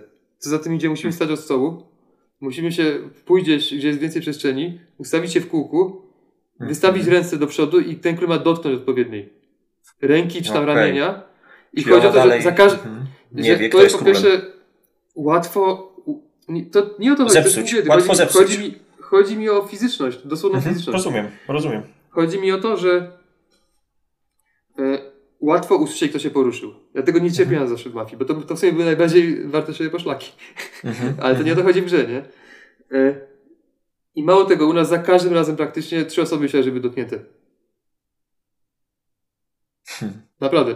I, i, i, i to, jest, to jest całkowicie bez sensu. Ale jak, myślały, że po prostu ich dotknął? Tak. Bo ktoś kogoś tam coś ru- poruszył, przez do Aha. ramię, trąci, no i po prostu trzy osoby mamy zakięte oczy, więc jesteśmy wyczuleni na każdy dotyk. Ktoś, to, czy, czy to muśnięcie to było dotknięcie, czy to po mnie chwycił za tyłek, kurde. No i to właśnie, i to trochę, to też wiadomo, że jak, jak są grają ludzie, którzy się mniej znają, czy coś, to takie dotykanie się nawet po dłoniach, to to może być trochę niekomfortowe dla niektórych. Ale- No, tak, tak. Dla, dlatego, no, dla mnie du, duże rozczarowanie. Mhm. Znaczy, czułem, że to będzie trochę prze, prze, mm, no, trochę za duże jak na tak, tego rodzaju grę, bo Mhm. widziałem jak to było na Kickstarterze i patrzę, nie, wygląda na zbyt skomplikowane i zbyt długie jak na Social Deduction, jak na mój gust. Mhm. Ale jak miałem okazję zagrać, no to zagrałem i tam y, podziękowania dla Hardcora. Nie wiem, czy on słucha DP, DPS-u, ale no, jakby słuchał, to, to miło było mi zagrać, ale mi się nie spodobało. Okej. No dobrze, no to co teraz e, wrzucimy? Coś, coś jeszcze chcesz podsumować tą grę, czy... Nie, nie, możemy iść dalej. No ciekaw jestem e, kolejnego naszego Spiel des Jahre, e, który my z Piotrkiem tutaj nawet w niego nie grając skrytykowaliśmy i to nie jest gra żadna nad stołem, tylko taki właśnie taka ulepszona wersja gry wojny, tak przynajmniej mówią, Challengers, tegoroczny zdobywca mm, zaawansowanej gry roku. No to tak, czemu w ogóle w to zagrałem? Bo nie, nie, Mhm. nie, jestem, nie jestem za bardzo świadomy tego, co zdobywa nagrody. Y, Zagrałem to dlatego, że mamy rozmowę grupową dotyczącą y, planszówek innych niż, 18. No i tam widzę, że w coś grali. Y, No bo ja tam czasem gram, ale, ale raczej rzadziej niż częściej. I tam widzę, że coś, coś debatują o jakiejś grze, w którą grali. Że, jakiś, że niesamowity kasztan, że, że coś takiego to po prostu, to, to, że, że coś tak złego to, to nie grali. No i Kse- Kseni- Ksenir pisze, że aż zagrał na BGA, żeby sprawdzić, co jest tak złe, no i tak, jest tak złe. I wtedy myślę, no, dobra, brzmi, brzmi srogo. Jest na BGA tam czas rozgrywki jakieś tam 20 minut, yy, proste zasady. No dobra, sprawdzę tego kasztana. No i gram. I i no nie jest aż tak tragiczny, ale faktycznie tutaj No yy, ale byłeś przygotowany, to, to też miało tak, tak, psychologiczne nie aż tak- podłoże. tak, tak. Nie jest aż tak tragiczne, ale też nie jest dobre i na pewno jest za długie. Że kurczę, to trwa tam 7 pojedynków się robi, zaraz dojdę do zasad. Mhm. 7 pojedynków się robi, a ja tak czuję, że 4-5 i to już byłoby ok. Że ta gra powinna trwać 10 minut, a nie 20. Na BGA. Y, No ale z jakiegoś powodu zagrałem ponownie. I zagrałem ponownie. Potem poszedłem na BGG, na BG, na BGG żeby, chyba po to, żeby poszukać jak, jakiegoś hejtu na tę grę tam y, na forum, y, żeby sobie poczytać jakieś afery. A trafiłem na jakieś tier listy kart i to mi zaczęło mi da, dało mi do myślenia, że coś tu jest. No i dobra, to teraz przejdźmy do zasad. Mhm. Gra polega na tym, że dobieramy sobie jedną albo dwie karty y, z, z kilku kart, znaczy dobieramy kilka kart, spośród nich wybieramy jedną albo dwie do swojej talii. I potem jak wybraliśmy karty, możemy odrzucić ile chcemy kart z talii i potem dochodzi do tej fazy meczu, czy tej słynnej wojny. Po prostu gramy z kimś, jest rozpiska z kim gramy. Generalnie gramy porówno z każdym w Mhm. miarę możliwości. E, No i tam nie mamy decyzji generalnie. Wystawiamy kartę, bo tak jak w wojnie. Wyższa Mhm. karta bije niższą. Mhm. Ale. Ale uwaga, po pierwsze, niektóre karty oferują decyzję. Tak Mają jakieś umiejki, tak? Tak, ja ich trochę nie lubię, bo wydłużają grę. E, ale tak, że na przykład możemy sobie popatrzeć na wszystkie karty i dać jedno, jedną na sam spód. Wielu prosów to uważa za najmocniejsza karta w grze. Albo możemy popatrzeć na trzy wieczne karty i je ułożyć w innej kolejności. No i teraz zasadnicza rzecz, jeśli chodzi o tę grę. Grą nie jest faza meczu, tylko faza układania talii. Mhm. Faza meczu to jest jak to, jak to się określa, to jest autobattler. Jest taki rodzaj gier komputerowych, że sobie tworzymy zespół, ale potem to jak ten zespół się zachowuje, to już, to już w ogóle jest poza naszą kontrolą. Mhm. Taki I- football manager. Tak, i Ciuniek gra do niej właśnie fajnie to porówna do menadżera sportowego. Ty sobie tworzysz zespół, a to jak oni grają, to, to, już, jest, to już nie twoja sprawa. Sensie, Mhm. no, no, nie możesz nagle kazać komuś strzelić gola tego, nie? Mhm. I, I to jest dokładnie tym, że trzeba to zrozumieć. Nie chodzi o to, żebyśmy w trakcie meczu podejmowali decyzje. Są karty, które to umożliwiają, ale to, to nie w tym jest gra. Gra jest w przygotowywaniu talii. Mhm. I tam, i tam jeden właśnie znajomy z, z tamtego grona, to w ogóle on rozegrał jeden mecz i rzucił swoim, swoją talią na stół i powiedział, że on w to już nie gra. tak... No bo takie można mieć, o, taką mieć opinię po tej grze, jak, jak myśli, że, że gra jest w meczu. A gra jest w budowaniu talii. I, o- I tak, mamy różnorodne karty. Tam jest chyba nie, sześć, znaczy siedem może zestawów, z którego gra sześć w danej, w danej rozgrywce. I, I chodzi o to, że to ma dwa aspekt, aspekty, które mi, mi się spodobały ostatecznie. Jest aspekt uczenia się tych kart, uczenia się z czym się kombią, w co warto iść, zależnie od tego, jakie, jakie sety są w danej rozgrywce, albo inaczej, jaki jest odrzucony. Yy, I też, i też fakt, że to, to dobranie tych kart to jest push your luck. Bo chodzi o to, że mamy, mamy prawo raz dobrać ponownie. Czyli ciągniemy, ciągniemy pięć kart i możemy z nich wybrać dwie, no to mogę wybrać dwie, albo mogę wybrać jedną, albo mogę wybrać zero i potem to, ile mi zostało na ręce, odrzucam i znów dociągam. Mam prawo raz, raz na turę to zrobić. I jest pytanie, czy, czy zachowuję te dwie, które widzę już teraz i są powiedzmy ok, czy liczę na coś lepszego. A ja lubię push your. Push to też jest taka inherentnie ekscytująca mechanika. E, No to jest I taki właśnie- element hazardowy, no po prostu, jaki znamy gdzieś tam Tak, z tak. I, I jak się zaczynamy uczyć tych kart, jak zobaczymy sobie filmiki z tier listą, jak zobaczymy sobie wpisy tych prosów w cudzysłowie tej Mhm. gry, jak Mhm. oni oceniają te wszystkie karty. A czego w cudzysłowie mówisz? No, no bo to nie, bo to bo nikt na nie zarabia, nikt, to są ludzie, którzy Aha, sobie o tym mówię. Ale, ale są ludzie, którzy rzeczywiście w to łupią A, tak, tak, tak. y, tak po tysiące partii, tak? Tak, tak, Czy tak. Jest taki, tak, tak, jest taki Smiley Andrew, który Mhm. jest w topie tej, tej, tego rankingu na BGA właściwie non-stop. To tak, to pod względem, y, no to pod względem to, to prosi faktycznie. No. I Czyli jest to zaczę- zaawansowanie, w, czyli jest to rzeczywiście bardziej zaawansowana gra niż, niż się wydaje. Absolutnie. To Okej. jest to samo co poker. W tym Mhm. sensie, że w po- pokerze jest element losowy, czasem, czasem, czasem musisz przegrać dane rozdanie, Mhm. ale uczy się kontrolować, zarządzać ryzykiem. Mhm. I to jest dokładnie to samo tutaj. I mało tego, tu też jest O, metagra. widzisz. Tu na przykład są karty, które są po prostu lepem na ludzi, że zawsze je wezmą, to nie idziesz te karty, bo i tak je podbiorą. Bo właśnie o co chodzi? To jest, to jest mega ważne. To jest mechanika ławki. Czyli to zagrywamy karty w tym meczu i ona Mhm. trafia na ławkę. Mhm. I mamy sześć miejsc na ławce. Tak. I w momencie jak dochodzi siódme, siódma karta na ławkę, to przegrywamy. Mhm. I to jest najczęściej, najczęściej w ten sposób się przegrywa y, rozgrywkę. Nie? A drugie to takie, że nam braknie kart w deku. Więc chcemy mieć dużo kart, ale chcemy mieć nie więcej niż sześć wzorów, y, bo chodzi o to, że jak są duplikaty, to one idą na to samo miejsce na ławce. Więc najważniejsze w tej grze jest to, żeby zdoby- zdobywać duplikaty. Generalnie dwie słabsze karty są lepsze od jednej mocniejszej. W większości, w większości przypadków. Mhm. Y, W sensie mówię o kartach tej samej klasy. Mhm. Y, I, i, I w tym jest właśnie gra. Powiedzmy, mam jedną piątkę na ręce, chciałbym do, doszukać, doszukać się drugiej, ale kurczę, nie widzę jej, ale widzę dwie trójki. To zaryzykować, szukać dalej, czy wziąć te dwie trójki? I właśnie Hmm. uczymy się tym zarządzać. I jak ja gram na BGA w tym takim trybie, najchętniej gram, co widać inne stoły, więc wiem, co inni biorą. Wiem, co jest otwarte, Mhm. wiem, co można iść. I, I to na tym właśnie polega ta gra. Na To wciągnęła cię ta gra. No, no właśnie, ja wpadłem w ogóle w ciąg y, grania w to. Miałem, miałem dni, y, gdzie grałem po kilkanaście partii, ale jednak trwają po 20 parę minut. I ja i szybko, szybko doszedłem do dobrego poziomu, że, że praktycznie zawsze byłem w finale. Mhm. Powiedzmy, powiedzmy dwóch na trzy partie byłem w finale. E, Byłem raz, raz nawet dosz, doszedłem do chyba 30 miejsca na PGA.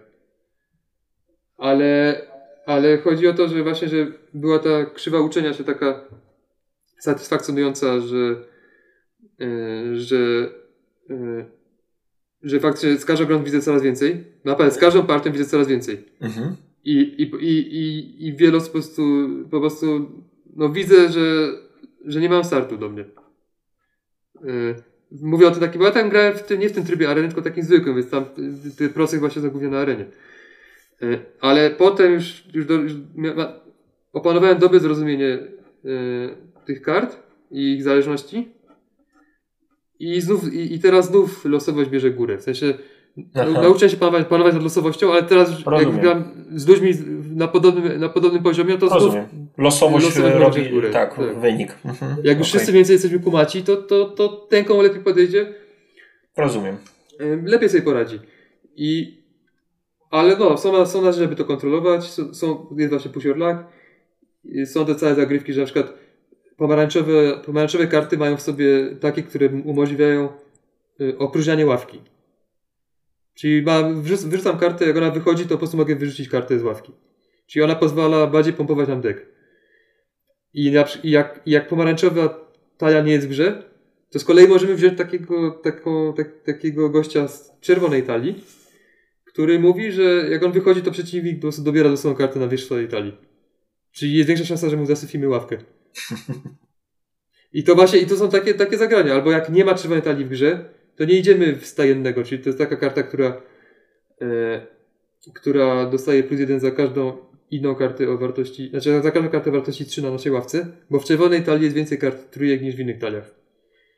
I, I jak kogoś kręci takie uczenie się mety, uczenie się, uczenie się kart, y, zgłębianie gry, to to bardzo polecam. Tylko od razu, od razu powiem, że ja w to nie mam ochoty zagrać nigdy na żywo. Z dwóch powodów. Okej. Po pierwsze myślę, że to jest za dużo tasowania. E, bo trzeba c- c- co rozgrywkę tasować, a jak dojdziemy do finału, to mamy 8 rozgrywek. Mnie to trochę wnerwia. Choć teraz z strony mamy deki po 5 kart. E, e, no, po kilkanaście kart. Ale, a druga rzecz, po prostu, no, myślę, że każdego bym rozpykał. Każdego nuba, no bo on nie wiedziałby w ogóle, nie znałby w ogóle kart, no to na ty, tylko to by mi wys- wys- wystarczyło do wygranej, nie? Mhm. Wiem, co warto iść i wiem, co, co może wyjść potem, a, a inni nie wiedzą. Yy, Ale, ale rozegrałem prawie 200 partii O na kurczę. tym BGA No. i to Nasyciłeś się. topie. To jest tak, ale to, to jest w topie, jeśli chodzi o liczbę partii moich gier yy, w ciągu ostatnich kilku lat. Tak, Mhm. trzeba mieć co parę lat, żeby Netrunner to przegonił. Yy, więc no tylko, że to jest bardzo krótkie i gram przez sieć, to, to jest bardzo łatwo sobie nabić partię. To nie jest żadne osiągnięcie. Yy, ale naprawdę no no chwyciło mnie. Choć wiem, że to nie jest wybitna gra. Podniosłem ocenę do 7 Mhm. i tam się zatrzyma na, na tej siódemce. Tylko ty mówisz, że siódemka to już jest bardzo dobry wynik u ciebie na, na Znaczy ósemka to jest bardzo dobry. Siódemka to jest dobry. Okej. E, w skali BGG, tak. I, i ten, i, i, i dla mnie to jest taka szóstka tak naprawdę. Ale sobie myślę, kurde, tyle w to gram i, i, i mam obsesję, że myślę o tej grze. E, no to zasługuje na siódemkę. E, teraz ma wyjść y, druga, znaczy taki dodatek y, niezależny. Widziałem, widziałem ciekawe karty są już. Karty, którymi chcemy, żeby, żeby ta postać przegrała, nie zdobyła flagi, bo wtedy, bo wtedy ma jakiś efekt się odpala i tak dalej. Ale będzie też, dochodzi też coś takiego jak trener. Że mamy trenera, który daje nam taką pasywną umiejętność na, na, na, na dany mecz. Znaczy, na, no w każdym meczu mamy jakąś umiejętność. No myślę, że zrobi się trochę z tego... No, no. Podejdzie wieczną kartę, bo coś takiego. I nie wiem, czy to trochę nie zabije czystości tej gry. O, widzisz. Myślałem, że właśnie zrobi się z tego taki dominion, który właśnie będzie żył dzięki kolejnym dodatkom, kolejnym urozmaiceniom. Znaczy pewnie tak, ale. Ale no na 100% będą trenerzy równi i znaczy nie, nie, nie, nie będą równi. I się trochę obawiam, jak, jak to będzie. No wczesne opinie, jak takie które widziałem w internecie, są raczej pozytywne. Mhm. No i tak możemy przejść, bo tam Piotrek pytał, O domi- Czemu nie zestawienie z, z Dominionem, ale to z tego co mówisz, to to chyba Tak. nijak się ma do Dominiona. No właśnie, tak zacząłem się, czemu, czemu akurat Dominion? Ale technicznie to też jest deck building, no to może na tej zasadzie. Mhm. No tak, to w Dominionie nie ma tego pusherlaka, ani w innych deck buildingach, które znam. Bo Mhm. akurat właśnie do, za Dominionem, Dominionem nie przepadam. Znaczy lubię i szanuję, bo to jest na, jedna z najbardziej innowacyjnych gier i wpływowych gier tam ostatnich 20 lat. Ale tam brakuje. Znaczy, jak gram na żywo, to mi wkurza, jest non-stop tasowanie. To jest gra w tasowanie dla mnie. A z kolei jak w aplikacji, jak, gram w aplikacji, to mnie zawsze bardziej chwytał Ascension. E, Ale to, co do mnie na przykład mnie nie kręci, to jest to, że zagrywam akcję, żeby zagrać akcję, która daje mi akcję, która daje mi akcję, która daje mi akcję. Tak, Tak. No nie czuję tego. Takiego To, to dla mnie no. po prostu, to jest takie, takie, takie mechaniczne bezosobowe. A w Challengerze czuję ten pusher lag. Znaczy ten pusher lag i to, to jest zupełnie inny rodzaj emocji. Znaczy to, to są emocje, a w Dominionie nie ma emocji. Dla mnie. Mhm. Rozumiem. Y, Ale lubię Dominion, żeby nie było. Tylko właśnie Mhm. chętniej zagram y, w elektroniczną wersję niż, niż na żywo. Y, I poza tym Dominion jest taką już pełnoprawną grą, a, a tutaj to, tak sobie zapisałem, że Challenger to jest skrajna losowość i niesprawiedliwość, którą z kolejnymi partiami uczymy się kontrolować. I to jest w sposób no, dla mnie fajne. Mhm. To taki motyw okiełznywania e, losowości. Tak. No widzisz, no to, to, to, to dużo ciekawych rzeczy powiedziałeś o, o tej grze i troszkę mi to e, e, poprawiło e, ten, ten wizerunek właśnie gry, zaawansowanej gry roku. Jednak jest ten motyw zaawansowania, że trzeba jednak Znaczy, w tą grę wejść. a- Nie no, reg- reguły są proste, są proste. E, Ale żeby grać kompetentnie, trzeba, trzeba ją ograć. Mhm. znaczy, trzeba, trzeba zagrać tak kilkadziesiąt razy, żeby, żeby już kumać karty, jakie są i jak, jak współdziałają. W sensie, że nie zobaczysz e, po pierwszych dwóch partiach, e, co ta gra może robić, nie? Że musisz po prostu w nią No. wejść głębiej. No tak, w sumie tak. No będziesz miał wrażenie, że po prostu grasz w jakiegoś gniota losowego. Mhm. Tylko najważniejsze, no, pamiętać, żeby chodzi o budowanie talii, nie chodzi o, o mecze. Wtedy Mhm. będzie na pewno mniej, mniejszy zawód. E. No No dobrze. dalej. Tak, e, na, na kolejną grą z zupełnie innej już e, półki to będą Dylematy Króla. Dużo Znaczy, ogólnie teraz będą- Tak. Teraz będą dwie gry wymagające roleplayu, żeby Mhm. działały, Mhm. ale później- będące po przeciwnych, po przeciwnych stronach spektrum, e, jeśli chodzi o złożoność mechaniczną. No ja mam wrażenie, że właśnie Dylematy Króla to jest taka odpowiedź e, nowoczesna na tą właśnie następną naszą grę, kiedy wymyślili, e, kiedy wymyślili ludzie Legacy i nie musimy już grać 15 godzin w jedną rozgrywkę, tylko właśnie sobie ją dzielimy na, na scenariusze, tak jak w Dylematy Króla. Nie grałem w Dylematy Króla, no tutaj e, właśnie Pawła ekipa e, dużo ogrywała. Zawiedli się z tego, co z nimi rozmawiałem już. e, Nie wiem, czy w końcu zmęczyli, do końca doszli, czy, czy nie, ale po pewnym po pew- iluś tam partiach już e, ich e, ta gra zmęczyła po prostu. Nie wiem, jak u Ciebie tam było z A, doświadczeniem. no to no... Ja dużo nie grałem, właśnie chcę ogólnie opowiedzieć, jak, jak to było. Mhm. To tak, to graliśmy, to to jest gra, gdzie generalnie wcielamy się w jakichś tam doradców króla i mechanicznie ona jest bardzo prosta, generalnie po prostu tam odkrywamy kartę i, i mamy głosować nad czymś. Właściwie każda karta to jest jakieś głosowanie i wynik tego głosowania wpływa na, na kolejne karty, jakie nam mogą dojść do, do tej tak, takiej wspólnej talii y, tych wydarzeń. Y, Wpływa na to, jakie są tam parametry królestwa, czyli tam jak jest bogate, jak, jak, jak, y, jaką ma siłę militarną i tak dalej. No i tak gramy, dopóki któryś parametr. I, I każdy troszkę ciągnie w swoją stronę, tak? No, no tak, tak. I, I chodzi o to, że te właśnie jak dochodzą te karty, to tam są nowe jakieś ścieżki fabularne. Mhm. E, To mamy taką główną fabułę, mamy też takie fabuły poboczne i to tam potem sobie rozwijamy. Możemy, zależ- zależnie od tego jak zagłosujemy, to, idzie, to robimy jedno albo drugie. I to tak trochę żyje. Mhm. E, I my, my graliśmy, mieliśmy dwie sesje, takie dłuższe i za pierwszym razem to gramy, otwieram kopertę 01 no i tam pierwsze zdarzenie, że po prostu no jesteśmy w tej sali tronowej i wbiega jakaś ko- kobieta, coś tam krzyczy do nas i w ogóle nie wiem kto to jest, co to ma być, nie? No ale gramy, jak tak trochę dziwnie się, właśnie jest zawsze takie poczucie trochę zawodu, E, No rozegraliśmy chyba jakby dwie, dwie partie i się mówiliśmy na, na, na dzień później, że, że gramy, że, że dalej gramy. I potem tak przeglądam sobie komponenty. No i patrzę, że jest koperta 0-0. Liście. Tak, i potem, potem zobaczyłem na, BG, na BGG, że znaczy no, w instrukcji, że trzeba 0-0, zapytałem na BGG co robić. Tam było parę sensownych Mhm. porad, ale uznałem, że tylko, tylko, tylko dwa, te dwa posiedzenia rozegraliśmy, to chyba możemy je odpuścić, powkładając potem karty do kopert. Tam nic nie naklejaliśmy, nic nie pisaliśmy, bo Mhm. na wypadek jakby nam nie siadło, żeby mu sprzedać. I po prostu zagraliśmy od nowa i grając od 0-0 jest znacznie lepiej. Bo przynajmniej już jest taki, faktycznie taki jest ten ciąg, że tam jest król, coś tam, chyba od tego, że król jest jak, jak podupada zdrowiu, albo coś takiego, że umarł, że jest nowy król. Ma, ma taki sens, a nie, że wbiega jakaś losowa osoba i coś krzyczy. No tak. Trochę jak u Hitchcocka się zaczęło. I, I tak, i, i zagraliśmy chyba cztery partie. Mhm. No i potem niestety to jest, to jest skład, y, gdzie no, nie, nie mieszkamy w tej chwili wszyscy w tym samym mieście i generalnie nie wiem, czy wrócimy do tego. Co mnie boi, bo nam się podobało. Właśnie te cztery partie nam się generalnie bardzo podobały. Kolejne I- te misje tak jakby wnosiły coś, coś nowego, było coraz ciekawiej. No właśnie dlatego powiedziałem, że to wymaga roleplayu, bo, bo jakby grasz w to mechanicznie, to myślę, że to jest beznadziejna gra. Tam nie ma, to, tam nie ma, w ogóle- to, tam nie ma w ogóle mechaniki. No Ja myślę, że właśnie z tego co Paweł opowiadał, to oni tak bardzo właśnie mechanicznie do tego podeszli. No to tak, to, to musi zawieść wtedy. Ale jak starają się wczuwać, Mhm. oj, to, to, to moim zdaniem jest to, czuć to królestwo. Okej. Byli, byliśmy na północy gdzieś tam w czymś z jakimiś ludami pseudowikińskimi, coś tam właśnie dogadywaliśmy się. E, szukamy jakichś artefaktów na pustyni.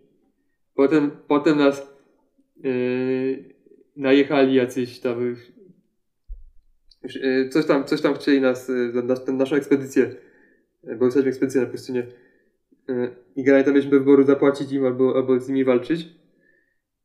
I, I z jakiegoś tam powodu jeden wybór wydawał mi się w pełni moralnie słuszny, a mój brat głosował przeciwko. Byłem zszokowany.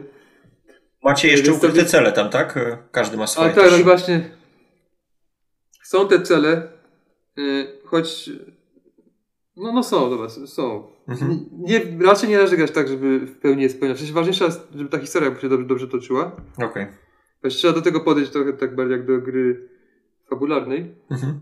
Mm. I też warto, żeby było pięć osób, bo dzięki temu jest większa szansa na stronnictwo, że są dwie, osoby za, trzy przeciw, że nie ma, nie ma tej równowagi. Okej. Na, pe- na pewno nie w trzy osoby, to, to, to wszyscy odradzają. Wszyscy fani tej gry.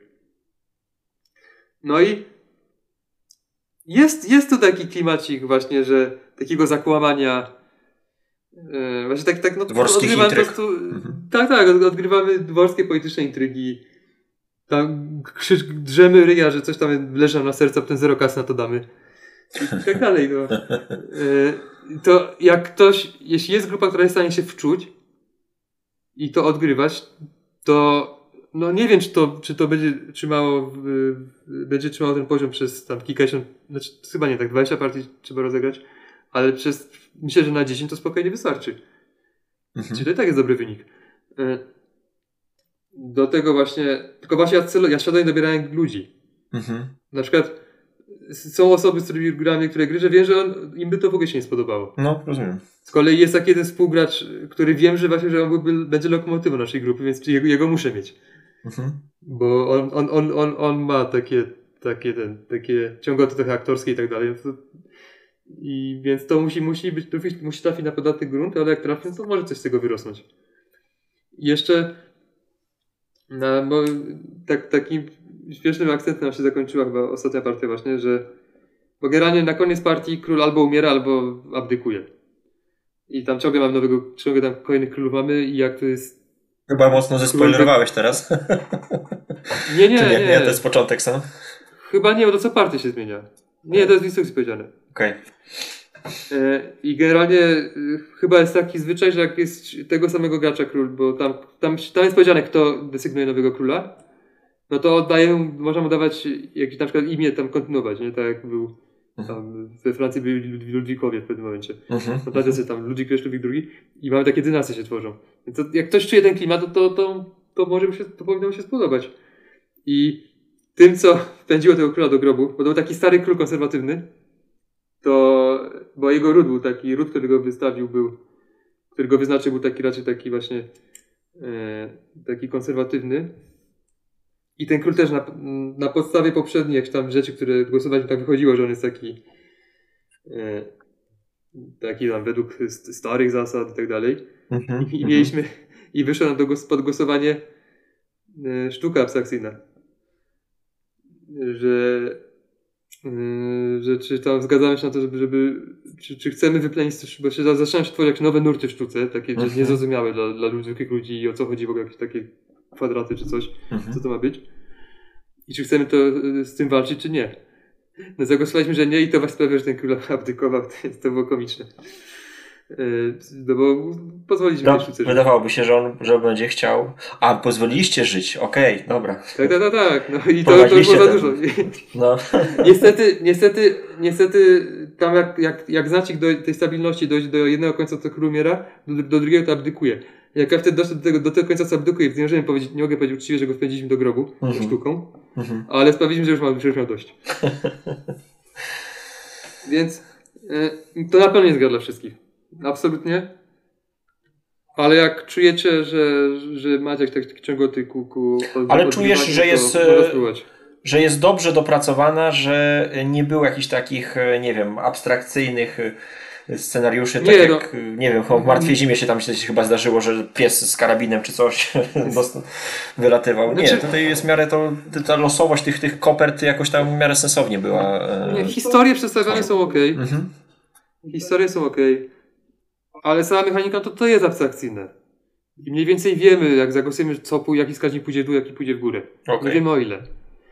Y, I więc, więc jak będziemy patrzyli na mechanikę, to raczej ta gra tylko straci. Nie, no niestety. Trzeba to podejść do tego jak do, jak do rusztowania dla RPG. No, to może sobie podsumowujemy jeszcze e, drugi tytuł, właśnie takie odpowiedź na pytanie, dlaczego nie zagrać e, w RPG, nie? Ale to, to, jeszcze, że- to jeszcze może poruszmy ten drugi tytuł, który masz e, na liście. No i to już jest dziadek, bo z lat 90. pochodzi. E, nazywa się Republic of Rome, tak? Tak, Tak, Republic of Rome. Mm, To tak. To jest no, w pewnych kręgach kultowa gra. Miała parę wydań. Mm. Generalnie to jest. O, tak sobie zapisałem. Mm, Że dylematy króla to jest minimum reguł, maksimum roleplayu, mhm. a Republic of Rome to jest maksimum reguł, maksimum roleplayu. No, jest to gra, w której pełną wersję gra się kilkanaście godzin. bo Można tam dzielić sobie te, te epoki. Tak, ale do tego, do tego to jeszcze poruszę na sam koniec. Ja co zagrałem raz, Dobra. żeby nie było. Mhm. Ale myślę, że to już zainteresować słuchaczy. Bo to jest taki, taki trochę kamyczek jak dyplomacji, nie? Ta, ta, taki właśnie, taki rozmach. Tak, tylko że dyplomacja ma bardzo proste reguły. Okej. Dość proste. Okej. A to jest, to ma po prostu 50 stron instrukcji, to takiej, takiej, takiej solidnej. Mhm. Avalon z Hill tak wydało. Jakoś tak. Tak, tak, no właśnie to e, pierwotnie tak. I tylko na pocieszenie. Ta gra jest bardzo proceduralna. Tam po prostu jest tura, która ma milion etapów, ale to wykonujemy po kolei i wystarczy nas na zasady. Tak naprawdę jest taki filmik na YouTubie, takie wprowadzenie do tej gry, trwa 20 parę minut. To niech każdy to oglądnie. Jedna zna zasady i można grać. I my tak graliśmy i było spoko. I wtedy warto zagrać e, we Wczesną Republikę, ten scenariusz, e, ten, ten pier, pierwsza z trzech talii. I ty grałeś w taki, w taki wariant? Tak, tak. I też Okej. myślę, że on jest najlepszy, ale też potem powiem dlaczego. Mhm. Dobra. Mm. I tak, ta gra ocieka klimatem. Mhm. Mamy wszelkie te stanowiska, jakie były w Rzymie. Mamy konsulów, Mhm. dyktatora, Pontifexa Maximusa, czyli takiego głównego kapłana, yy, cenzora, który tutaj głównie pełni rolę, pełni rolę sędziego. Mamy możliwość zabójstwa, możemy zabić innego, po prostu możemy sobie, jesteśmy w Senacie, bo my reprezentujemy generalnie takie rody, które mają pod swoją kontrolą senatorów. Nie możemy wysłać jakiegoś, wys- wysłać jakiegoś senatora, żeby zabił innego. Tylko to jest, to jest, tylko to jest bardzo ryzykowne. I to jest sytuacja generalnie, jak, jak, jak, jak, będzie, jak, jak wpadniemy, to wszystko, wszystko jest, jest y, decydowane kostkami. Jak wpadniemy, to po prostu naj, najpewniej, najpewniej idziemy do odstrzału. Tak. Mamy. Y, mamy lojalne legiony. Jak pójdziemy, jak, jak jakiś senator poprowadzi legiony do bitwy i bitwa się powiedzie, to część z tych legionów może stać, stać się wobec niego lojalna. Co z kolei, jakby w przyszłości ten senator chciał e, jakby w przyszłości ten, tenże senator chciał e, wypowiedzieć wojnę Rzymowi, e, ogłosić... e, To staną po jego stronie. To ma już zapewnione legiony na start. Potem O można kurde, oczywiście przekupywać inne. Mhm. Więc, więc to naprawdę tutaj, tu jest multum klimatu. Zresztą ja- jak ktoś tam trochę kojarzy historii Rzymu, ja, ja, tak, ja tak po powierzchownie znam. No to w naszej partii też było wyjątkowo, bo mieliśmy senatora o imieniu Juliusz, który miał najwięcej, który miał najwięcej wpływu i mianowaliśmy, i mianowaliśmy go dyktatorem, bo trzeba było ratować, trzeba, trzeba było ratować e, republikę. Mhm. No to jakby, jak, jak jest Juliusz, który jest dyktatorem i ma najwięcej wpływu, to, to, to brzmi źle dla republiki. Jeśli chodzi o to, że Juliusz Cezar zakończy republikę de facto. Mhm. Y, I się ogłosił dyktatorem y, tam, dożywotnim. Tylko tutaj z tego, co mówisz, wejdę ci w słowo, mm, to gracze już tworzą te historie, a nie tak jak w King's Dilemma, y, że jest taki paragraf, nie? E, Dobrze, dobrze to rozumiem? Tak. Tak, są tu wydarzenia. Mhm. Są tu wydarzenia i bitwy, na przykład wojny punickie czy coś. To to wychodzi, to wychodzi po prostu losowo i to nam odpada historii. Yy, Potem yy, jak się gra te scenariusze, to później się to można walczyć, jakieś prowincje podbijać i tak dalej. Ale generalnie, znaczy, to jest tak, że, że ten Rzym w tej grze jest takim organizmem i my wszyscy staramy się jakoś tam na niego wpływać. Trochę jak w John Company, to poprzez- firma. Tak, ja potem, potem jeszcze powiem coś o John Company, bo generalnie to jest jedna z głównych inspiracji John Company. O widzisz, no.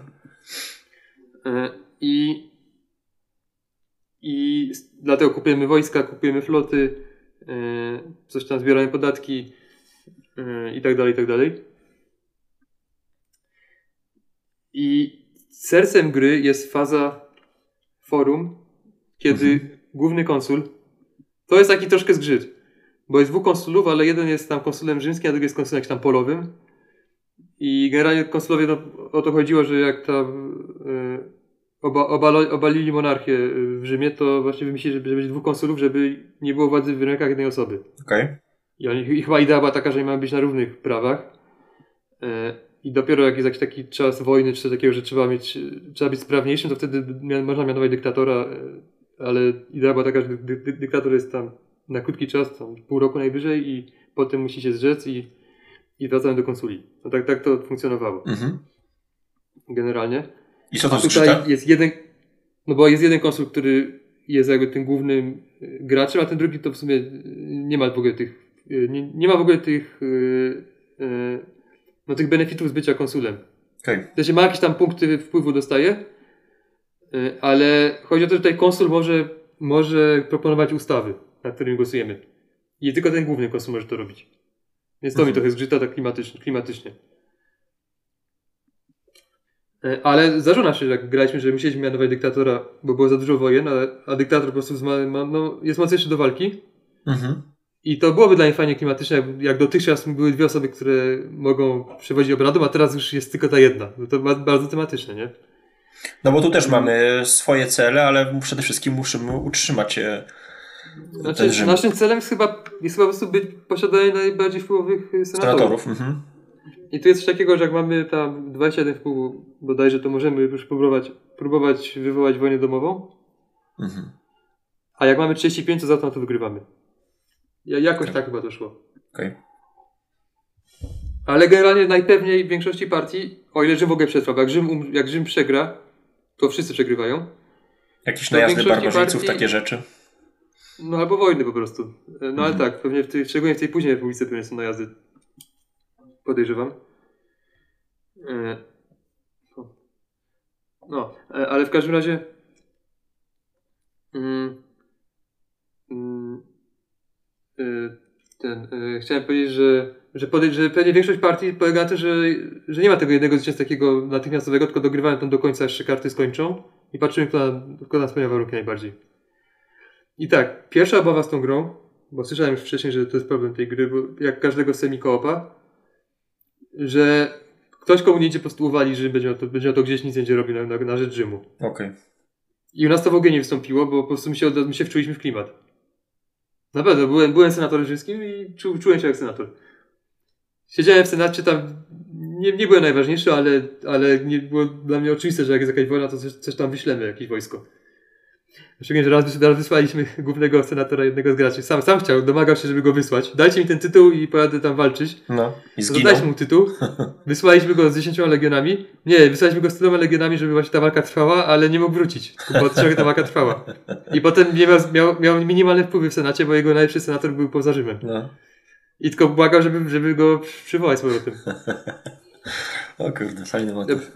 I tu jest też motyw taki najbardziej dziki, że możemy proponować dowolne prawa. Po prostu dowolne.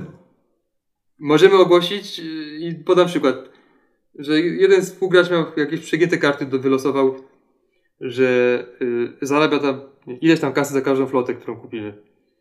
I akurat była wojna morska, znaczy bitwa morska, znaczy ta, ta, taka wojna, która wymaga, każda wojna wymaga legionów, ale najpierw trzeba jeszcze wysłać statki, żeby tam, żeby je przetransportować i tak dalej. I związać walką statki cudze. No to musieliśmy chyba kupić nawet ze 20 tych, tych okrętów. Coś co, coś, co temu graczowi dawało kilkadziesiąt kasy, a to jest, a to jest dużo. Bo kasę można też dopłacać do głosowań, e, żeby, żeby brakujące głosy można kasą kupować. Przekupywać senatorów tych. I, I generalnie. No tak, no bo generalnie y, sumujemy sobie wpływy naszych senatorów. Mhm. To jest ile mamy głosów i potem, żeby kasą kasę dorzucić, żeby mieć więcej. I jak głosujemy po prostu 3-4, chyba każdy mówi, każdy mówi, czy jest na tak na niej i patrzymy, kto, czy przeszło, czy nie.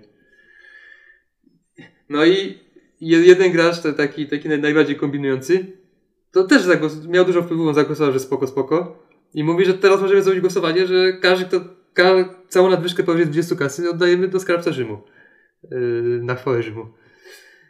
Żeby właśnie uwalić, tych, że niby ten, że zbudowaliśmy te statki, yy, zasi, zasililiśmy skarbiec tamtego gracza, ale teraz, teraz przeforsujemy usta, ustawę, że ma oddawać kasę.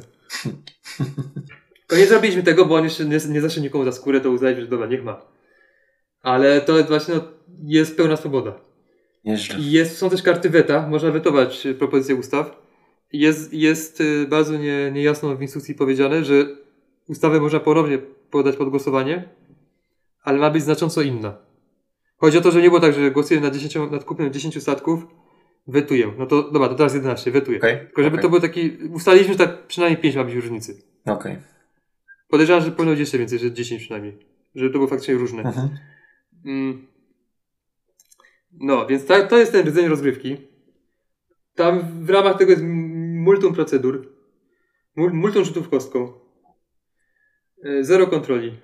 No, minimalna kontrola. I, I niech najlepiej zobrazuje tę grę to, że tu jest faza mortality, o którą tam Piotr dopytuje.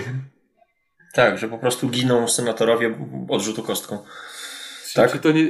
No, e, konkretnie to od pociągnięcia żetonu. Mamy, A, no mamy, mamy woreczek z żetonami e, i po prostu wyciągamy. Na początek każdej tury to ciągniemy żeton. E, Jeśli senator o tym numerku jest w grze, to on po prostu umiera. Więc jak, jak tutaj któryś ze słuchaczy sobie myśli, że no, no, że gra 4 godziny w grę, żeby wzmacnia sobie senatora, a potem wyciągamy tego i, i on umiera i że mu to nie pasuje, to no to to nie jest gra, gra dla niego. No ale nie pasuje, ale w, znaczy w sensie umiera i w, sensie gracz odpada w ogóle z gry. Nie, nie, bo No mamy, za, mamy, zaczynamy z trzema senatorami Mhm. i generalnie ostatni nam nie może umrzeć. Okej. Jedyny sposób, w jaki ostatni senator może umrzeć, to jeśli wpadnie y, podczas próby zabójstwa innego. To nie, lepiej nie robić tego ostatnim. Tak. E, I. A, jeszcze ciek- i w ogóle mieliśmy doskonały stół. Bo tam byli ludzie, wiele osób tam coś tam kojarzyło w miarę historii, więc... A w ile osób graliście? W ile osób? W sześć. O. W sześciu i w maksa tak jest najlepiej, ale oni mówią, że w pięć też jest spoko. Okej. Bo oni grali trochę więcej. E, I raz debatę... I tutaj są y, te umowy z graczami są wiążące. Mhm. Przeciwieństwie do większości gier negocjacyjnych. Mhm. Tu są wiążące, tylko robisz miarę możliwości. Jak obiecasz komuś, że dasz mu kasę na początku następnej tury i teraz przypadkiem wydasz całą kasę, to nie musisz już. Ale i chodzi o to, żeby, żeby tak wspólnie debatowaliśmy nad, nad interpretacją niektórych umów, jak to, jak, bo były, były niejasno sformułowane, jak to rozumieć. E, I, i jeden, jeden współgracz, właśnie ten taki najbardziej kombinujący, no to on mówi, że technicznie to powiedziałeś, że pomoże, a nie powiedziałeś jak, albo coś takiego, nie? No to, no to wyślemy cię z jednym legionem na bitwę, gdzie musisz przegrać z tym jednym legionem, bo wiadomo, że tam trzeba sobie 20. Ale obiecałem, że wyślemy. Ale tam inny, który, inny gracz, który no, studiował prawo, jest prawnikiem, to mówi, że on pamięta z prawa rzymskiego, że w Rzymie e, słowo było równie ważne jak, jak pismo. Mhm. Że generalnie jak tam dogadywałeś się na gębę, to to, to, to miało, to było w pełni obowiązujące. I że właśnie, że w duchu, że według niego w duchu te, tego właśnie prawa rzymskiego y, takie y, Ta umowa jest pomoc tym, będzie adekwatna. Tym, co powszechnie, mhm. Tak, tym, co powszechnie zrozumiemy, a nie, a nie jakim doszukiwaniem się jakiegoś kruczka. Okay. Czy na pewno użyć dobrego słowa, czy nie. Że to właśnie, że to nie byłoby w duchu Rzymian, według niego. Więc to była to taka, taka informacja e, ciekawa. Mm, więc właśnie ta partia ciekawa klimatem. Mi, mi, się, mi się podobała właśnie. Podobała mi się, bo e, bo no, czułem się jak ten, jak ten senator. E, były wojny, musieliśmy dyktatora mianować. Mm, były dzikie akcje, jak ktoś właśnie obłowił się niesamowicie w kasę. Mm, był, o, mój senator jak poszedł do boju, po tak, tak rzuciłem kostką w walce, że musiałem ciągnąć cztery żetony na śmierć. Pierwszy nie, nie mój, drugi nie mój, trzeci nie mój, czwarty mój. Ale się okazuje, że jak, czwarty, że jak ostatni, który ściągnie, to jest mój, to nie, to nie, nie umiera, tylko idzie do niewoli. Więc potem go wykupiłem. Ale czemu też mi się podoba, podobała ta partia? No. Bo nie była za długa. No ile trwała? Bo, no. Y, Z 4-5 godzin? 6? Wy, wydaje mi się, że 4. Mhm. Dlaczego? Bo po pierwsze graliśmy pierwszą y, wczesną republikę, która jest najkrótsza, a po drugie, no, Rzym upadł. Dyktator Aha. nie wystarczył. Aha. I zostało nam do rozgrania chyba, zostały nam chyba trzy tury. I pierwszą turę graliśmy godzinę 20, więc bardzo długo. Mhm. Ale potem trzy kolejne, no to już, już yy, jakieś dwie godziny rozegraliśmy. No ale tak podsumowując, miałbyś ochotę to powtórzyć, nie? Jakby ktoś się zaproponował, to, to jak najbardziej. Y, no to powiem tak, po tej partii podobała mi się partia, ale swój egzemplarz wystawiłem na sprzedaż. Poszedł Bo też to posiadałem, tylko nie grałem jeszcze. Nie, no. nie, mhm. I Yy, bo po, po, po, po prostu nie, nie czuję, że. Po pierwsze, nie chcę się uczyć tych zasad. Mhm. I nie czuję, że, że to jest coś, co bym, co bym ogrywał. A jest właśnie ten jeden znajomy, który ma swój egzemplarz, to, to jak coś, to mogę z nim zagrać. No tak, no pan Piotr dopytywał, czy w ogóle jest to gra dzisiaj grywalna, nie? Ale z tego, co, co mówisz, to jak najbardziej wydaje się. No, znaczy... Ona mechanicznie jest koszmarna. Ona jest grywalna, jak chcemy się wczuć w klimat. Ale nie, ale mhm. na mechanicznie to jest, to jest, to jest tak archaiczna, że, to, że głowa mała. że to jest rzut kostką za rzutem kostką i wszystko jest arbitralne. I, yy, albo, albo, albo, albo rzut kostką decyduje, albo nasze decyzje takie wredne, coś takie po prostu nad stołem. Mhm. Nie ma tutaj więcej treści jakby. Jest, jest, jest przedni klimat, ale to wymaga też od stołu, żeby to poczuć. Mhm. Yy, I właśnie czemu pierwsza, czemu Czesna Republika jest chyba najfajniejsza? bo jest y, najwięcej wojen. Tam jest Rzym dojeżdżany. Więc ja powiedziałem wcześniej, że, że te najazdy barbarzyńców to może w później publice, ale, ale nie wiem, czy to jest. Y, nie mhm. wiem, czy to jest właściwie historycznie i, i nie, nie wiem jak ten więc, więc wycofuję się z tego. Mhm. Ale w każdym razie, chodzi o wojny, to najwięcej jest ich w pierwszej republice, we wczesnej. I przez to jest to fajne napięcie, moim zdaniem, bo że właśnie pomiędzy naszymi interesami a interesami Rzymu. Że musimy, musimy kupować wojsko i tak dalej.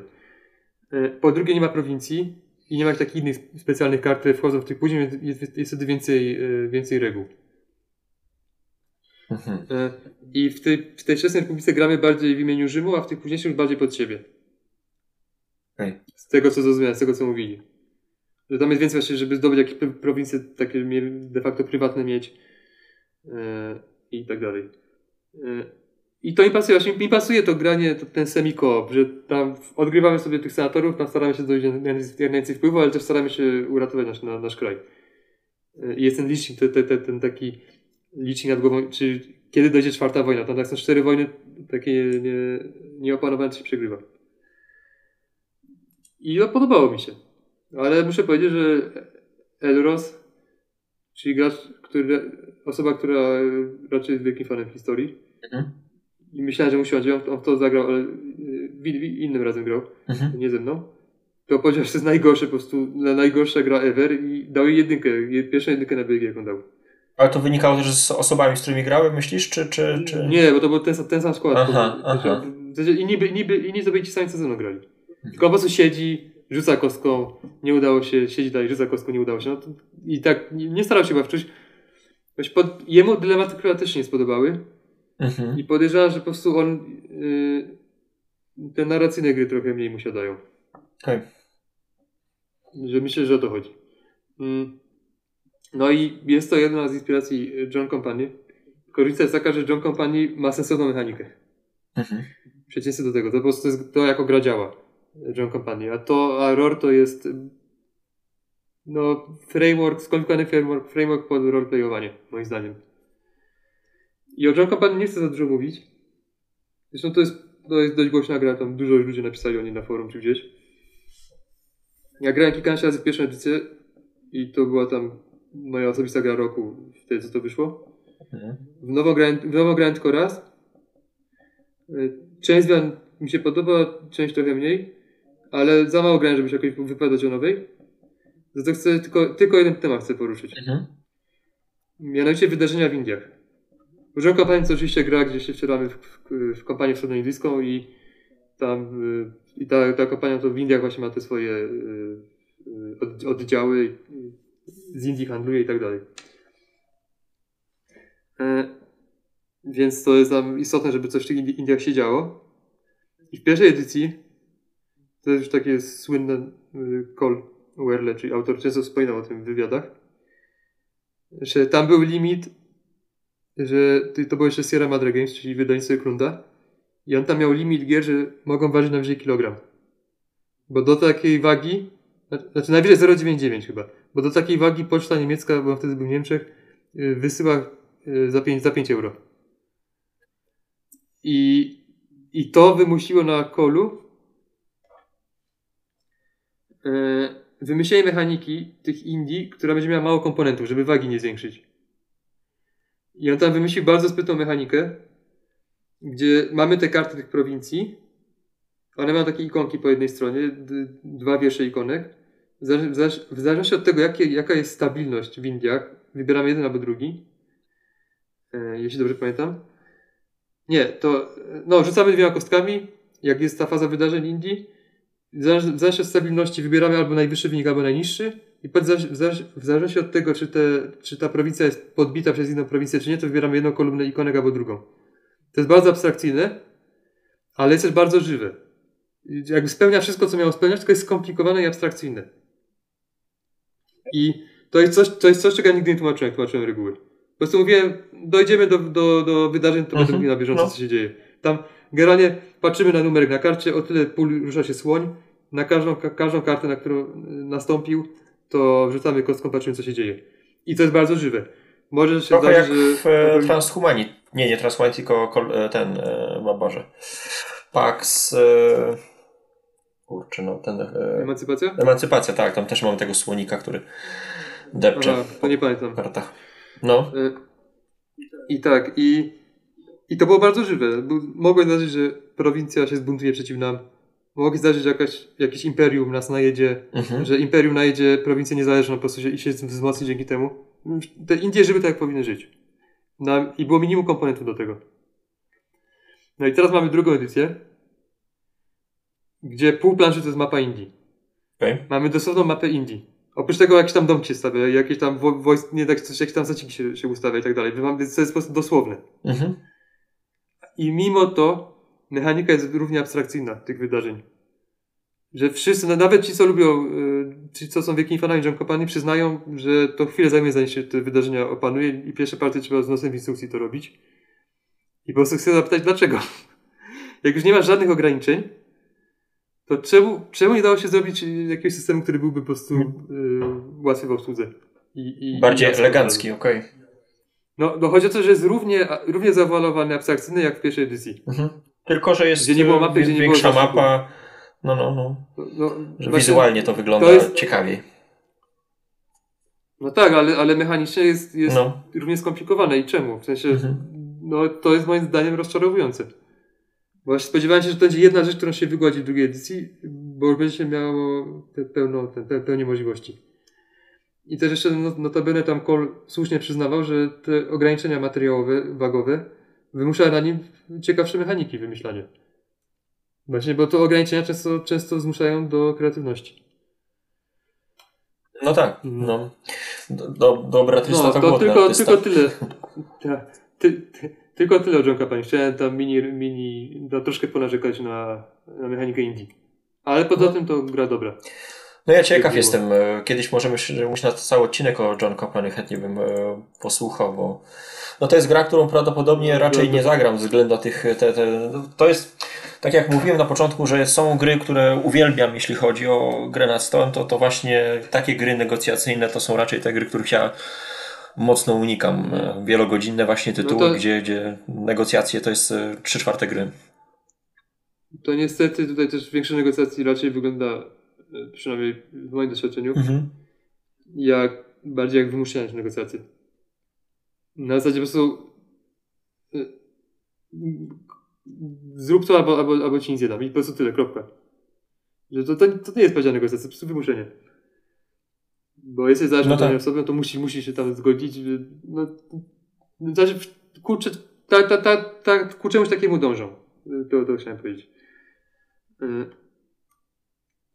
Ale no, myślę, że to jest bardzo dobra gra. I to jest właśnie, jak ktoś chce zagrać w Republic of Rome, ale działający, to, to trzeba wziąć kompanię. No dobrze. Jedyną przewagą, no, no, no. jedyną przewagą Rora jest, jest klimat. I zakładam, że więcej osób woli starożytny Rzym niż kompanię indyjską. No, no właśnie, bo tutaj przechodzimy powoli do, do gier fabularnych, nie? No bo Dużo mówiliśmy właśnie o tym odgrywaniu ról i tak dalej.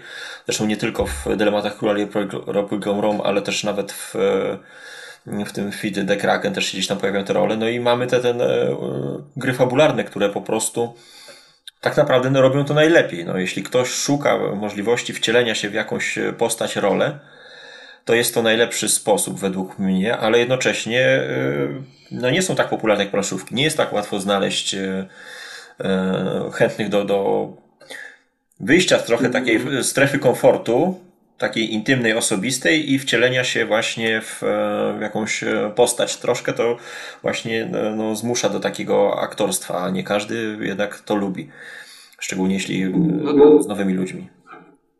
No, no tak, to moim zdaniem właśnie dylematy króla i Republic of Rome są trochę e, szkieletem, na którym można właściwie odgrywać rolę. Mhm.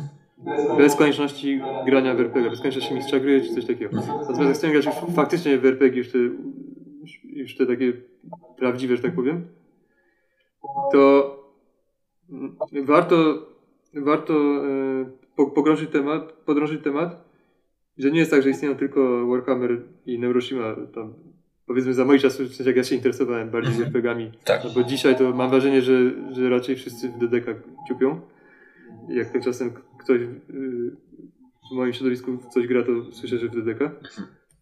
Nie, nie wszyscy, ale, ale takie mam obserwacje, że, mhm. że jak ktoś zaczął grać tak w ostatnich latach, to raczej w DDK. No jest to chyba no, system ale... bardzo mocno stojący na, na, na, na nogach, nie? No podejrzewam, że dla wielu osób po prostu gra RPG równa się gra DDK. Tak jak dla wielu osób gra karciana się Magic. Mm. Okay. I bo kulturowo y, y, ma, jest najmocniejszy. I, ale są też gry, in, gry takie indyki, takie nie, nie, niezależne, niszowe. Tak, indyki, czyli taki, no, e, jak to można rozwinąć? Independent. Independent, no, czyli... No, indie, bo to indie, ale chodzi o coś powiedzieć, że jest independent po prostu. Czyli niezależny. Takie, że po prostu ktoś, nie, nie, że korporacja to wypuszcza, tylko jakaś grupa osób albo pojedyncza osoba wrzuca PDF-a do sieci za, za 5 dolarów Tak, i one często I tak, y, miały za zadanie, tak jak właśnie tutaj ten fiasko, który będziemy omawiać na zadanie, na, za, na za zadanie, na które będziemy omawiać, y, wprowadzić cię w grę, żebyś nawet do końca nie wiedział, że, że ty już y, grasz w RPG, nie? znaczy one są przeróżne. Mhm. Mogą być mega hardkorowe, mogą być mega przystępne. Ale na pewno jest wśród nich więcej niż takich e, mainstreamowych gier jednostrzałowych. Czyli takich, że siadamy raz, gramy powiedzmy 3-4 godziny i to jest całość. I chcemy zagrać ponownie, to gramy od nowa. Inny scenariusz albo, albo inną, inną historię tworzymy. Mhm. Podczas gdy takie tra tradycyjne RPG, to, to o czym pewnie większość ludzi myśli, to są kampanie, gdzie spotykamy się co regularnie i ciągle kontynuujemy. e, Rozwijamy losy nasze postacie, no bo Tak, ro- co, co ma to- pewien urok. mhm. Na przykład Ki- Kirasier, y, ten nasz współgracz szesnastkowy, to mówił, że miał kampanię chyba Warhammerową, która trwała kilkanaście lat. Albo jak, jak ci umiera postać, jak, jak ci umiera postać po 20 latach, to też pewnie, pewnie się to jakoś odczuwa no tak. inaczej niż, niż jak po jednym, po jednym niż jak w jednostrzałowcu. Ale też te gry często mają y, minimalną mechanikę, tylko tyle ile trzeba, żeby Mhm. grać. Jak na przykład tylko jest mechanika rozwiązywania konfliktów. Mhm. A tak to wszystko opowiadam. One, one raczej są bardziej narracyjne. Czyli to jest to, co często jak ludzie grają nawet w DDK czy Warhammera, że ignorują dużą część zasad, tylko po prostu sobie opowiadają. Bo jakby grać tak według zasad, szczególnie w Neuroshimie, te, ten system, y, jak to się nazywało? Kliki? Nie, tam jak się walczyło, tam był system czegoś, takich, takich czegoś, co trwało sekundę i, i, i na przykład strzał z tej broni zajmuje te dwa kliki, a strzał z tej zajmuje trzy. Już nie pamiętam, wiem, że tam ludzie narzekali bardzo na, na ten system.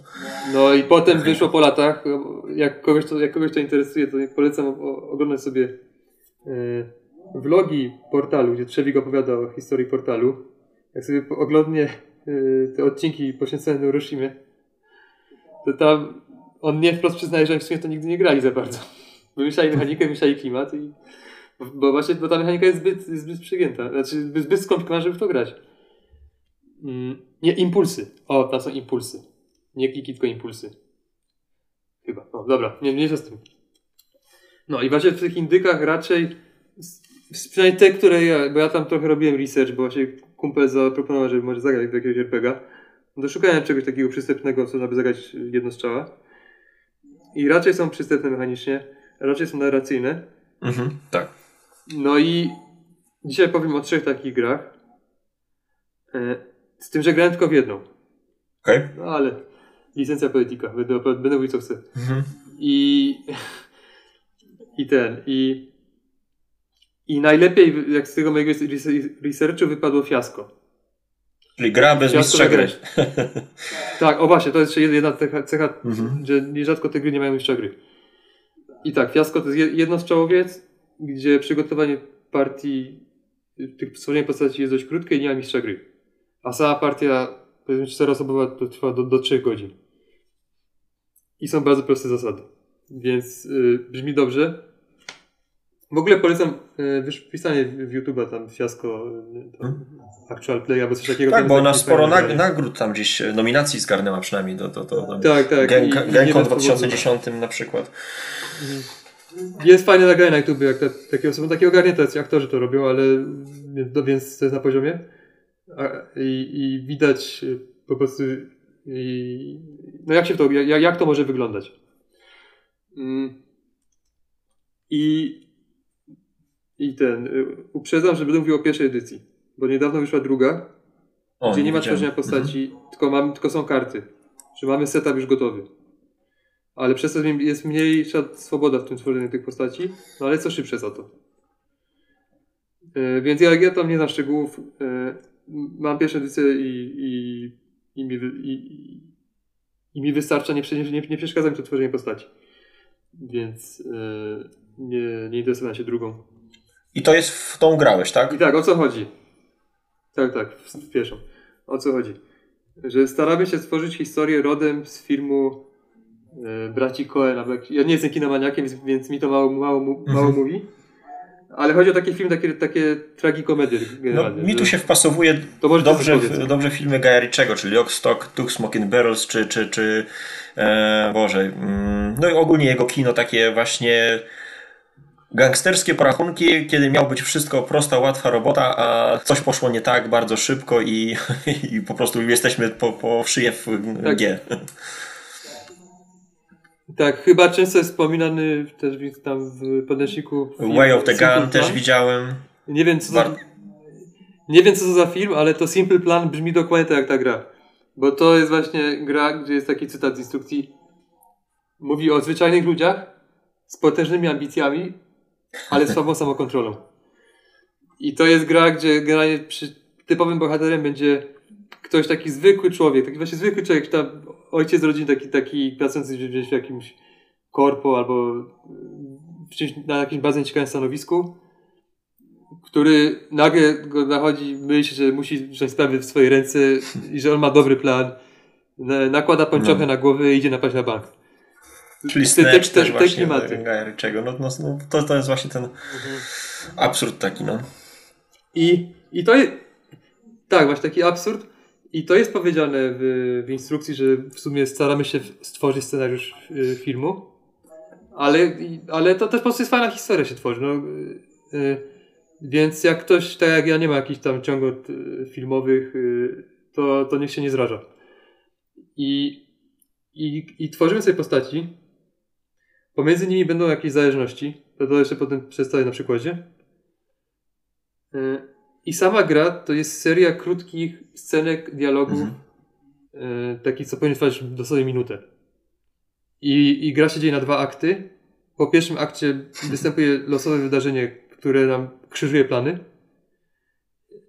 I, i w, w każdym akcie będziemy mieli po dwie, po, po dwie akcje. Jako akcje albo mówimy, kto robi scenkę, y, jakie dwie osoby się spotykają, albo sami, albo inni robią scenkę, w którym koniecznie jesteśmy my.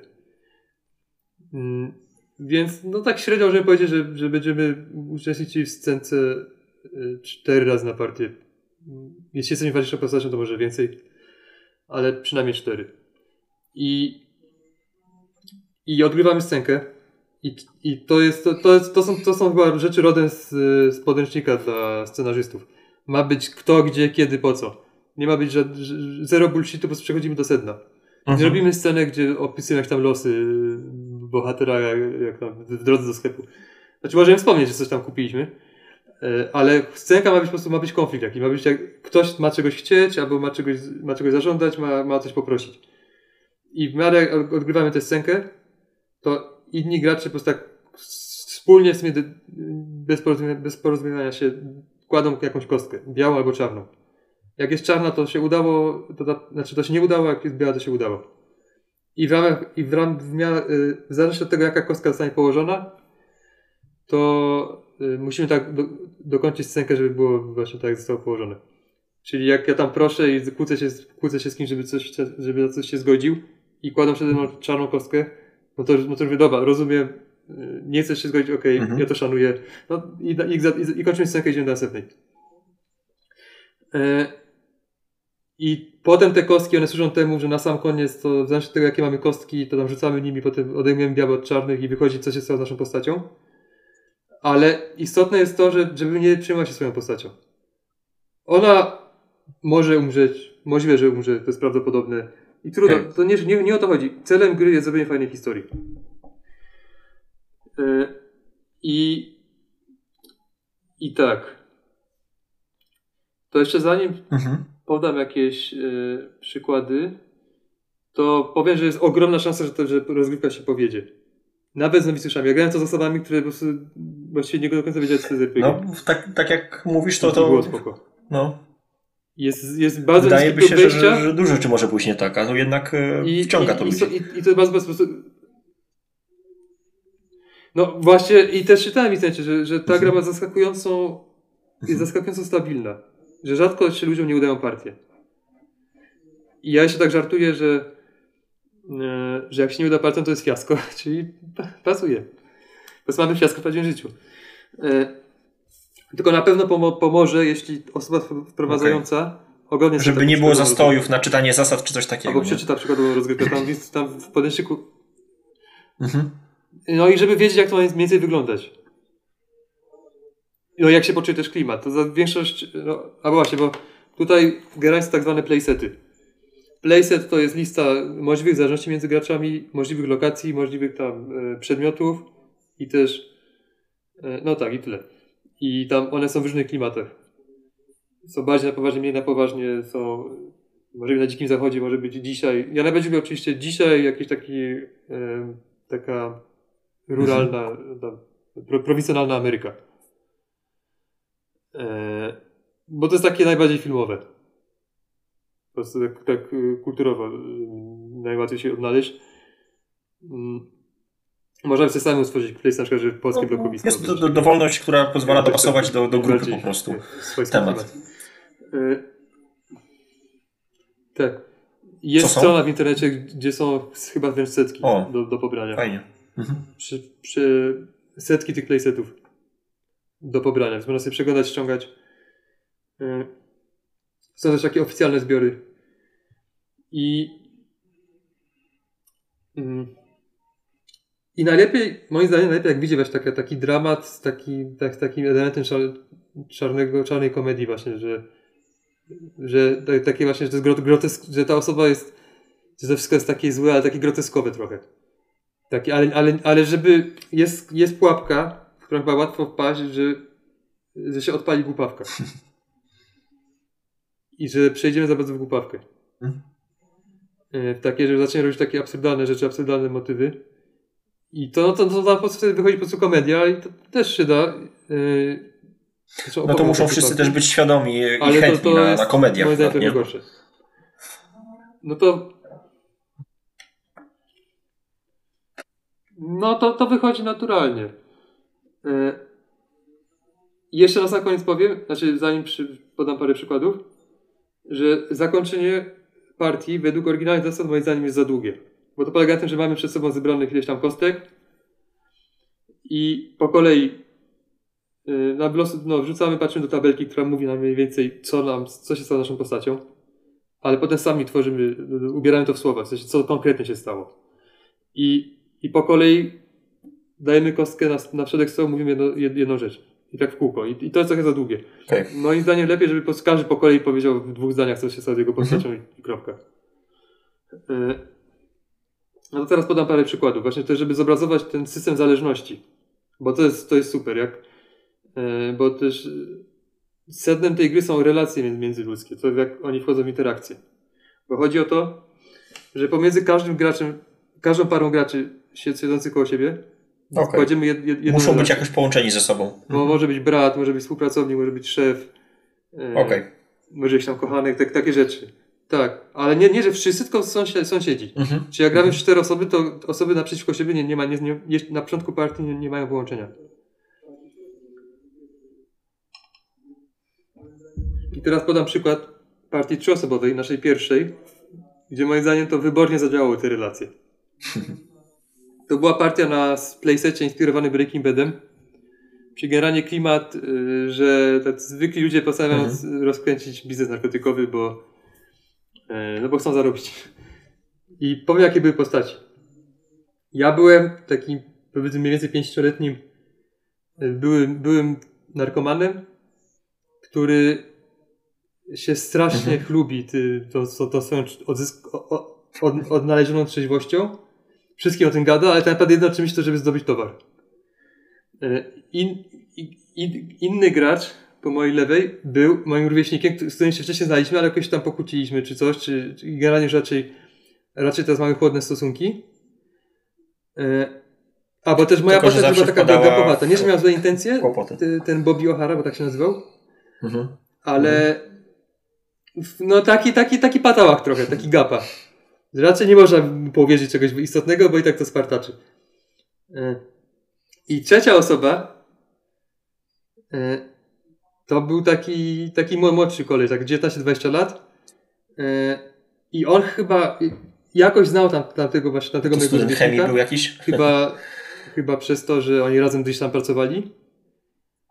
A, no, no właśnie jakoś tam ten, a, a mnie znał, bo ja, bo, bo ja byłem w stanie jakoś na nim zrobić, być trochę taką figurą au- autorytetu. Bo byłem jednak starszy i, i jakoś tak, y, jakoś on był trochę pod, pod moją aurą i, i on coś tam kojarzył, nie? że ja tam kiedyś miałem jakiś tam, jakiś tam kontakt z narkotykami, coś tam y, i, i generalnie był, był motyw taki, że właśnie tamten ten mój rówieśnik rozmawia z tym młodszym znajomym z pracy. Tak właśnie jakoś tam, bo uznał, że ten młody jest kumaty, że może go Mhm, wtajemniczyć, że mhm. chciałby rozkręcić jakiś biznes, że trzeba coś tam zarobić, tylko że brakuje nam wiedzy, nie, eksperckiej. E, No i ten młody mówi, że jest, jest, znam, znam właśnie jego człowieka. No ale dobra, to się spotkajmy, tam przygotowuje spotkanie i on przychodzi ze mną. I ten po prostu, co tu robi Bobby O'Hara, nie? I, I to była moja ulubiona scena z tych wszystkich partii, bo też to genialnie odegrał ten kumpel. I właśnie chodzi o to, że ja byłem, dla tego młodego byłem trochę a eksperta. dla tamtego, że byłem skompromitowany. I on mnie przyprowadzi jako Tak. tego takiego zaufanego ko- kogoś, kto eksperta przyprowadzi na spotkanie, a ten już mnie znał Aha. i wiedział, jak jestem patachem, że nie można mi ufać. Ale już był skazany na, na współpracę ze mną. I to się że skończyło. Ale powiedz mi jeszcze, No. jak to wyglądało przed Więc właśnie to pokazuje, jak takie Ustaliliście, relacje, jak tak, są sobie na spokojnie te, te relacje między Y. sobą. I co? I wylosowaliście jakoś y, pomysł, czy, czy, czy co? Czy, y, co było ustalone było przed tak, że- rozgrywką? Mhm. No to to jest tak, wybieramy playset, rzucamy i potem poprzez, poprzez rzuty kostką z, zacie, zacieśniamy wybór, co mamy, jaki mamy wybory. I, i Okej. po, po setupie między, każdym, między każdą Mhm. parą graczy ma być właśnie Mhm. relacja, ma być na środku stołu jakaś lokacja. Kurde, no tak jak o jakiś tym mówisz, to wydaje się, że to nie może działać, a, a, Mm. a działa, no. I kostki nam ograniczają wybór. I kostki ograniczają wybór, ale jakbyśmy chcieli Mhm. koniecznie zignorować, to możemy. O to chodzi o to, żeby stworzyć dobry scenariusz. Jak naprawdę widzimy coś, co mega pasuje, to po prostu No. bierzemy to i tyle. No Mhm. i potem, naj, najtrudniejszy jest pierwszy moment. Właśnie ta pierwsza scena, nie? Która wprawi w ruch ca- całość. Więc ja tam celowo się y, zgłaszałem, że, ja, że ja, ja to wezmę na siebie. Bo jakiś tam, jakiś tam właśnie oglądałem sobie- nagranie z takiej rozgrywki, więc wiedziałem, co mogę więcej powiedzieć. Ale potem ta historia organicznie się tworzy. To jest, I to jest fascynujące. I, I najciekawszy będzie trzeci mój przykład. Że spierdzielisz. I, I ja byłem taki gapowaty, to, to było wiadomo, że, że właśnie, że, że jak ja wyjdę w końcu, jak ja wyjdę w relację, w końcu się spotkam ponownie z tym moim rówieśnikiem, to, że on nie jest zachwycony, ale jeszcze tak dobrze to odegrał. Yy, No a potem inny, inny przykład rozgrywki, to graliśmy w scenariusz taki o, o zespole rockowym i byliśmy takim podstarzałym boys bandem, Coś typu Jonas Brothers, ale już nie jako nastolatkowie yy, będący na topie, tylko bardziej tacy już 30-latkowie, tacy trochę zapomnieni. I generalnie to polegało na tym, że chyba, chyba generalnie byliśmy wszyscy członkami tego zespołu, albo członkami tam była menadżerka, ale w każdym razie Mhm. yy, wyrzucaliśmy sobie, że kto bardziej się zasłuży, kto bardziej był ojcem sukcesu, kto bardziej zmaścił, że już nie ma tego sukcesu. Yy, I to nas właśnie przerodziło w głupawkę. To jest ten przykład yy, głupawki.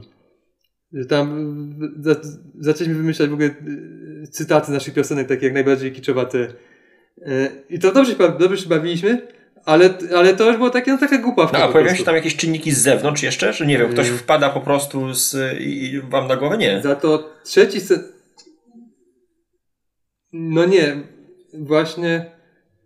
Okej. Znaczy możemy wprowadzać osoby jakieś z zewnątrz, ale, ale rdzeń rozgrywki to są relacje między nami.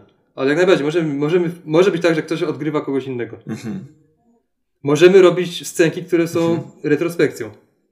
Albo które się dzieją po finale, którego jeszcze nie znamy nawet.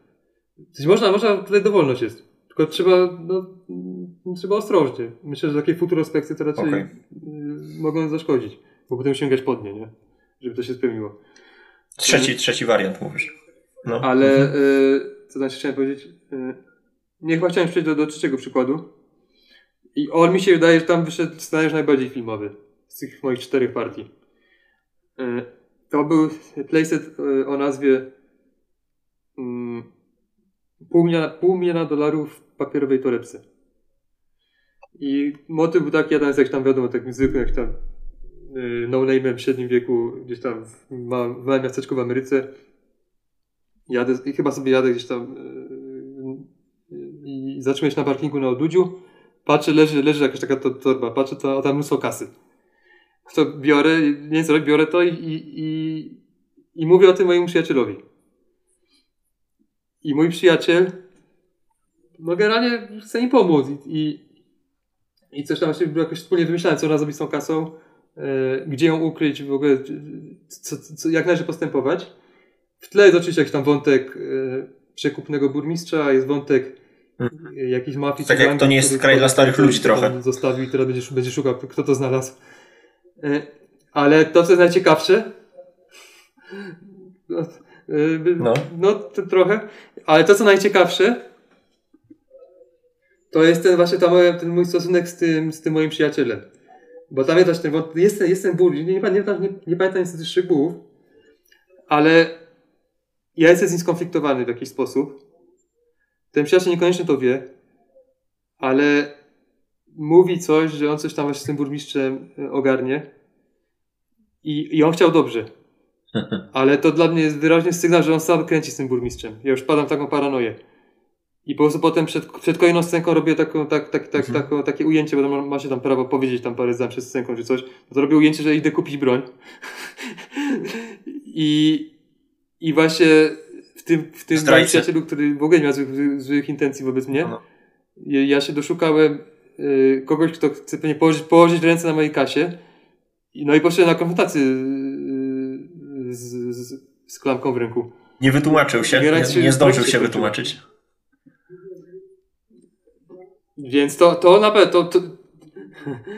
Nie, nie. Tam on, on grał jakoś na czas. Ja już zacząłem czuć, że, że chyba ma rację, ale już, ale, ale już kurczę, już za, już za bardzo w to, w to wszedłem. E, I nie pamiętam Mhm. końca. Wydaje mi się, że ja najgorzej skończyłem. E, Że to ja mogłem zginąć nawet. Mhm. E, Ale to był. To naprawdę miałem poczucie, że to, że, że to mógł być scenariusz filmu te, te, tego typu właśnie. E, Że, że to, to było dobre. To, to było takie. Takie, że. Że jest, jest właśnie jest, jest ten, ten, ten, ten, e, ten, to, ten rozwój tego bohatera. Najpierw znajduje, najpierw się cieszy, a potem zaczyna padać w paranoję. E, Do tego tam zawsze się pojawiają jakieś takie trochę w pewnym stopniu takie bardziej komediowe elementy, bo tak zawsze jakaś taka scenka się ułoży, tak coś śmiesznego wypadnie, więc to właśnie był ten, ten taki lekki element y, groteski. No. Więc jestem pod wielkim wrażeniem tej gry. Znaczy, da, dawno nie grałem niestety. Y, Byłem dogadany niedawno, ale nie udało się i, y, ale no gorąco polecam. To teraz może szybko. A. No I tu też pewnie im więcej gracie, tym, tym e, ciekawsze scenariusze się A, tworzą. ty, tylko cztery osoby lepiej niż w trzy. A w pięć nie grałem. Okej. Ale w trzy osoby właśnie miałem tę tę jedną rozgrywkę e, Breaking Badową i też było spoko. Mm, No następny tytuł to taki bardzo ciężki, jak e, zacząłem czytać o czym to jest. To z punktu widzenia ojca od razu taki gdzieś się czarny scenariusz pojawia. Zresztą p- popularny motyw w wielu filmach e, o, o nastolatkach, które gdzieś tam Znaczy ja to zaginęły. umieściłem na tej liście, bo chodzi o zaginięcie Alice. Umieściłem to tylko dlatego, Mhm. że tutaj główny myk mi się wydaje interesujący i do tego strony, że to kupiłem w ogóle. Ale że słyszałem też dobre opinie. Ale nie zagrałem jeszcze. Ale chcę tylko, Mhm. No znowu brakuje Tak, mistrza gry. o tym, bo tu jest bez mistrza gry jedno, Mhm. jednostrzałowa rozgrywka, ale główny myk jest taki, że nie możemy roz, rozmawiać ze sobą, tylko się porozumiewa, porozumiewamy, Tak. porozumiewamy się za pomocą komunikatora internetowego, bo, bo odgrywamy nastolatków. Mhm. Przez telefony. Mhm. I to się wydaje bardzo interesujące. Czyli mamy his historię zaginięcia koleżanki. Mm, Opracowujemy jakieś relacje e, ze sobą, jakie jakie mieliśmy z tą zaginioną. No i próbujemy co? Próbujemy ją trafić tak, na trop, tak, tak? tam są jakieś E, karty, które prowadzą rozgrywkę, ale właśnie ten motyw tego czatu grupowego, czatów osobistych, emotikonek, y, to no myślę, że, że, że, że imersja powinna być w tej grze. Ale nie grałem, więc więcej nie powiem. Słuchałem, słuchałem y, jednego podcastu o tym, nie wiem czy mi to nie zaspoilowali, ale, ale no opinie, wrażenia mieli pozytywne. Ale tu raczej już tak mroczny No, jest szczerze mówiąc, nie e, odebrałem tego tak. klimat, tak? Znaczy, znaczy jest mroczny, ale, ale Nie. ja tam Aha. zakładam, w sensie, że znaczy, dobra, bo też to, to jest amerykańskie liceum, nie? High school, to to mi się skojarzy z z teen dramami, z takimi rzeczami, Mhm. takie, to mi, się, to, to, mi się, to mi się nie kojarzy jako coś mrocznego. To nie jest powiedziane, że ona... Tylko bardziej krzyk, koszmar minionego Znaczy, lata, takiego. Nie, mam na myśli po prostu teen dramy jakieś. Takie, no takie, że tak, tam, takie, takie, takie jakieś... Yy, no takie konflikty między nastolatkami, które na pewno nie są istotne. Nie, nie mają większego, wielkiego znaczenia, ale Mhm. bo to jest powiedziane, bo, bo to jest powiedziane, że ona jest uprowadzona? Czy że po prostu zaginęła? Wiesz co, nie, nie ja tak Bo ja sobie sobie to od wyobraziłem, że ona mogła po właśnie prostu z, gdzieś- z, wyobraziłem. Uciec, bo się, bo się, bo się Z imprezy nie wrócić, bo no, Więc ja okej. właśnie nie, nie, nie, nie No, jestem, no, znaczy, no. wydaje mi się, że faktycznie to, Dlatego mówię, że ja z perspektywy ojca już od razu wybrałem najbardziej mi się, mroczny że scenariusz. faktycznie to, to raczej jest mroczne. Yy, że, Mhm. że tak, że yy, ale, ale no nie, nie chcę zamówić za bardzo jakie to jest, bo, bo nie wiem. No, ale rozumiem. chcę za to powiedzieć o kolejnej grze w zestawieniu, najbardziej niszowej. Mhm. Irek próbował znaleźć, nie znalazł. No tak, bo, o bo skąd Pytałem jej, nawet ludzi, którzy grają w RPG. skąd on jej w ogóle wiem. Bo ja sobie po prostu słucham takiego jednego podcastu o RPG-ach e, francuskiego i oni e, się głównie zajmują takimi niszowymi grami. I to jest po prostu gra e, chyba nie tyle jednego z nich, co jednego, co czasem z nimi nagrywa. E, I to jest e, Mhm. gra dostępna po prostu w sieci do ściągnięcia, to, to ma tam PDF kilka stron. Mm. I to też gra jednostrzał, jednostrzał, jedno, jed- jednostrzałowe partie. E, No, no istnieje po francusku, tam tytuł oryginału to jest, y, y, znaczy przetłumaczony tytuł oryginału to jest Północ na zawsze. I Ale nie znajdziemy tego w Nie. ten sposób. to trzeba pisać m- minuit pour toujours. I chodzi o to, Oj. chodzi o to, że e, w ogóle, jeśli chodzi tak, tak e, technicznie czysto, co tu jest interesującego, e, że w Mhm. przeciwieństwie do poprzednich gier, tutaj musimy grać dokładnie w pięć osób i cztery z, z tych osób to będą mistrzowie gry. De facto. No właśnie, czym to się różni? Bo tam też tak można by powiedzieć, że wszyscy są mistrzami gry i nie ma żadnego, nie? Nie, bo tu jest jest, jest mówisz, no, że są wszyscy. No. Okej, czym jest ta gra? O, jej opis, znaczy klimat, jaki w niej panuje, jest dystopijno-oniryczny. Generalnie żyjemy w dystopii autorytarnej, ale jest ten oniryzm, nie, nie, do końca wiadomo, co jest rzeczywistością, co nie jest. Y, W tym, w tym podręczniku, czy też raczej broszurze, mm, nawet nie ma opisanego za bardzo tego świata. Tam jest tak, takie, jest takie, jakieś takie e, e, no, tak, pobieżnie jest powiedziane, że tam zima przestała się kręcić, przez co panuje wieczna zima. Yy, Najbogaci mieszkają gdzieś tam wysoko, a biedni gdzieś pod ziemią. No taki standardowy dystopijny klimat. Ale on, on nie ma, on nie jest istotny. Bo to nie chodzi o ten świat przedstawiony. Ale potem jest kilka stron plotek. Po prostu nie, nie powiedziane wprost co, jak to są plotki, plotka za plotką. I to jest o tyle fajne, że o ile jakość tych Mhm. plotek jest taka sobie, yy, jest taki, takie, że o, że mewy, które widzisz za oknem, nie są mewy, tylko, tylko roboty. Albo yy, Mhm. czasem możesz poczuć jakieś tam, jakieś tam, zobaczyć zaczerwienie na skórze, to musisz uciekać w stronę zima, zimna, bo inaczej się dorwie jakiś pająk. Albo jest jakiś tam lud mieszkający w krainie yy, tam wiecznego zmierzchu, czy coś, który chce porwać nasze dzieci. Znaczy, takie tego rodzaju plotki, takie, takie spiski, jakieś takie rzeczy.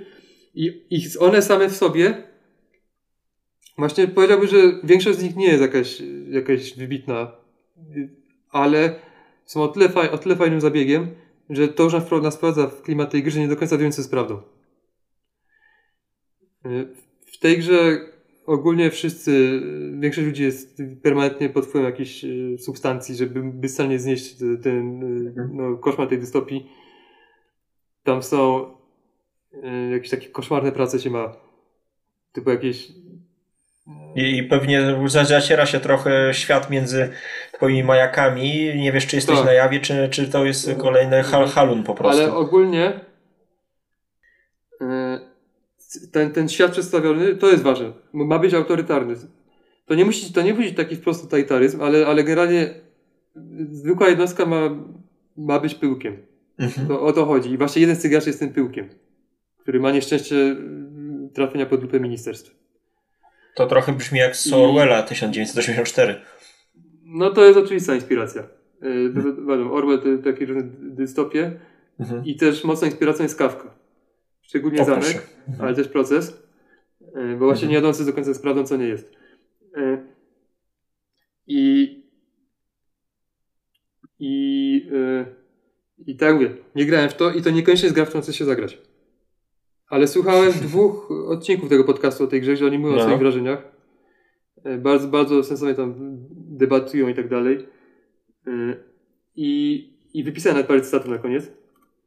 I myślę, że, że sam motyw jest bardzo interesujący, więc tego po prostu przedstawić, bo może to kogoś zainteresuje, żeby, żeby, żeby zobaczyć, jak dziwne mogą być, mogą być RPG. Mhm. No bo mamy jakieś tam scenariusze, wybieramy scenariusz i według niego gramy. I to jest tak, jeden gracz się wciela sekretarza generalnego, czy też pierwszego sekretarza i on jest takim nadmistrzem Okej. gry. Okej. Potem trzech graczy się wciela w ministerstwa. Mhm. I ten, i ten pierwszy sekretarz, on, on, ma, on ma dokładnie taką, taką kartkę, gdzie jest więcej zarys tego, co się dzieje w tym scenariuszu. I on też zna treść kartek ministerstw, kolei ministerstwa nie znają swoich, swoich własnych kartek. W sensie one znają Mhm. tylko własną, ale nie znają cudzych. Mhm. Czyli wiesz, wiesz co swoje ministerstwo ma ma, chce osiągnąć, ale nie wiesz, co chcą osiągnąć inne ministerstwa. Nawet nie, nawet nie wiesz, czego są ministerstwami. I jest ten nieszczęsny gracz, który po prostu siedzi na krześle przed, przed trzema ministerstwami i on i, i całość gry to po prostu jego rozmowa z nimi. I jest tam O jakiś y, pierwszy sekretarz, pierwszy sekretarz jakoś tam robi takie wprowadzenie, y, przedstawia, co się, co się stało. Na przykład, że o, ten pierwszy gracz, y, to scenariusz też tam y, sugeruje, co można powiedzieć że ten, że ten, główny, że ten gracz no właśnie wy- wychodzi sobie z tej fabryki niczego mm, i nagle go zatrzymuje jakaś tajna policja i mówi, że, że jesteś oskar- jest, pan, jest pan oskarżony a o co, a nie powiemy, ale jest pan oskarżony, a może pan iść do domu. To, czyli to jest jak, jak z procesu. Mhm. E, No i potem i, i, i to jest jakiś taki setup jakiś jest, no to on może tam, jakie miejsce się niego zgłasza i tam możemy zacząć roz- rozgrywkę, że on się próbuje się dowiedzieć, o co jest oskarżony E, i, i o co chodzi. I, i to jest e, i, i, i to jakie są cele zależy od konkretnego scenariusza. Mogę podać parę przykładowych, że na przykład może być tak, że Ministerstwo Sprawiedliwości może chcieć, by, by gracz był jak najsurowiej ukarany i żeby sam zaakceptował, karę. Tak, tak, tak, tak, ma, tak ma mu wmawiać, żeby, żeby, żeby, żeby tak się to skończyło. Mhm. Może być Ministerstwo Administracji, które chce żeby proces trwał jak, naj, jak najdłużej, ale żeby było poczucie, że jest sprawiedliwy, że, że, że wszystko dobrze funkcjonuje. Ale ma trwać jak najdłużej. Mhm. Yy, No i tak dalej, zależy od scenariusza, to te cele ministerstw się, się zmieniają. Czyli one też są w opozycji często do, do, do siebie, tak? Po prostu. Tak, tak, jak najbardziej. Mhm. Y, I, i, I gracz nie ma kontroli nad tym, co robi ministerstwo, rzecz jasna. I on, i, i, I on dowiaduje się o świecie tylko z ust tych ministerstw, dlatego to są tacy mistrzowie gry.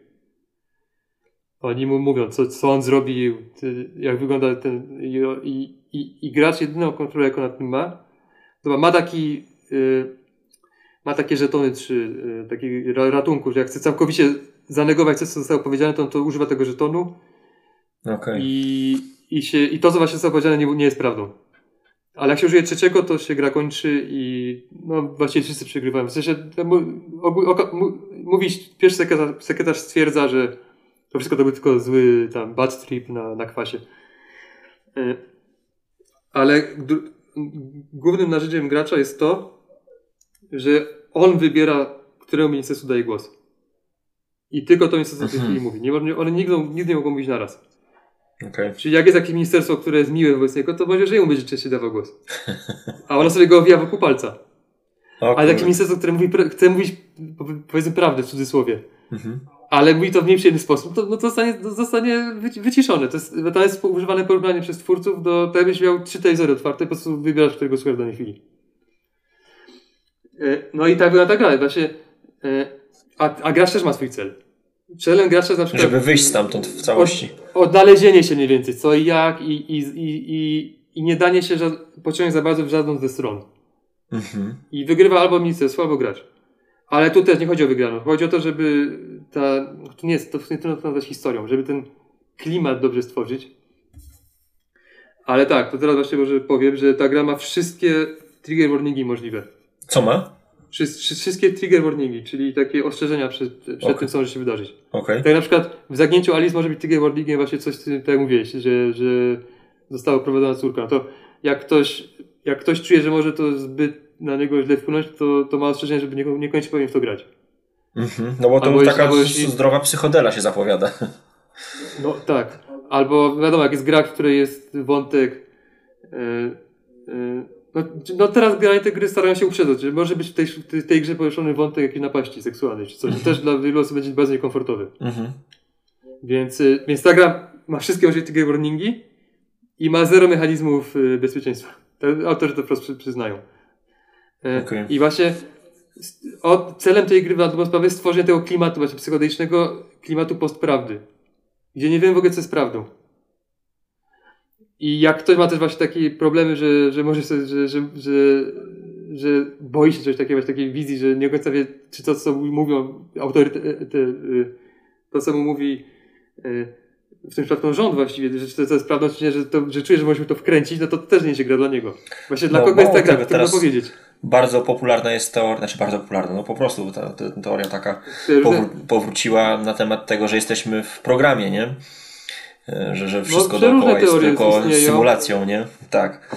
E, więc e, I... jeśli ktoś ma wczutkę w takie właśnie rzeczy, to. Tak, to... tak, no. Zresztą no też znamy cytaty Trumpa, że o faktach alternatywnych, nie?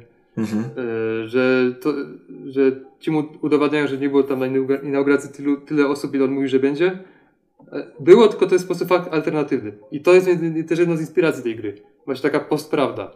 No, że to, co jest prawdą, nie ma znaczenia. Właśnie, wiesz, to jest trochę przybijające, jak te rzeczy z 84 e, roku nagle zaczynasz postrzegać i nie wiesz, czy to już jest twoja wyobraźnia, czy rzeczywiście, kurczę, tworzą, rządy tworzą wroga, żeby tylko po to, żeby był wróg jakiś, nie? No, ciekawe, no, albo, mocne. Albo, albo w Rosji teraz, jak był ten moment, że chcieli się zbliżyć do Zachodu, a teraz Zachód zawsze był naszym wrogiem. Dokładnie hmm. jak w 1964, gdzie też ten wróg się zmienia płynnie. Tak, no. E, no, y, więc to są tego rodzaju klimaty, więc to jest ciężki. To jest właśnie to jest na pewno naj, najcięższa z gier, o której dzisiaj mówimy, jeśli chodzi o klimat. Mhm. E, I do tego scenariusze same, to, to, to, to właśnie ten proces jest taki najbardziej, najbardziej akcept, znaczy, może nie najbardziej, ale taki, to taki akceptowalny. Mhm. Ale jak jest proces, gdzie tym graczem jest młoda matka, a ministerstwo debatujące, co zrobić z dzieckiem, to to, wszystkie, to, to może być mega mocne, mega trudne dla wielu osób. No. I i, i, I trochę niejako celem gracza jest odkrycie, co jest w miarę prawdą w tym świecie. Mhm. E, ale. No ale no dobra, to, to chyba, chyba wystarczająco zarysowałem, jak to wygląda. A gra, i, i, gra się może skończyć nawet po dwóch scenach. Tylko te sceny mogą trwać 40 minut. Ale mhm. e, to nie jest tak, że to będzie jakaś, tak jak w fiasku jest powiedziane, ile scen, i, tylko to właśnie to pierwszy sekretarz może uznać, że dobra, kończymy już, bo już to ministerstwo wyraźnie zdominowało. Albo kończymy, bo żadne ministerstwo nie jest w stanie przemówić do gracza, a gracz jednak wciąż zachowuje tam te swoje jakieś tam y, własne przekonania. Mhm. To jest sobie gra o, o gnieceniu jednostki przez, yy, przez, przez system, przez maszynę. Więc to jest mega ciężki klimat. E, ja pamiętam, e, grałem, I... tylko nie wiem co to było, czy to było, chyba to było inno, inna, innomine magne, inno, innomine magne veritatis właśnie, tam też były takie zabawy właśnie, wcielanie się w e, demonów i aniołów i właśnie st próba sterowaniem, sterowania człowiekiem. No tutaj to jest to mhm. już takie posunięte do, do właśnie, tak jak mówisz, kawkowego takiego absurdu. Tak, i orwellowsko-kawkowego. I, i, I to jest pewnie o tyle gorsze, że tutaj można się łatwiej wczuć, że coś takiego mogłoby nas spotkać. Choć ten świat mhm. przedstawiony, ten, ten, nie masz obowiązku używania go, ale ten świat przedstawiony jest wyraźnie, to nie jest na dzisiejszy świat, bo tam właśnie jak jest, są jakieś roboty, no, jak, jak jakieś takie e, e,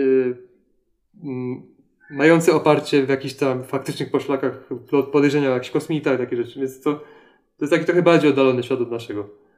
Ale jak mamy, właśnie jak umiemy się wczuwać, a w sumie to należy grać tylko po to, żeby się wczuwać, bo to jest celem tej gry, to, to może nam się może być y, dość y, ciężko się klimat. Ciekaw jestem, czy to można na przykład tak rozwinąć, że jedno ministerstwo uznaje, no to na razie go wypuśćmy, niech on sobie idzie, wiesz, wolno i akcja przenosi się gdzieś tam właśnie w e, zupełnie inne otoczenie. Czy to już jest narzucone, że ma być w tym pokoju przez cała sesja?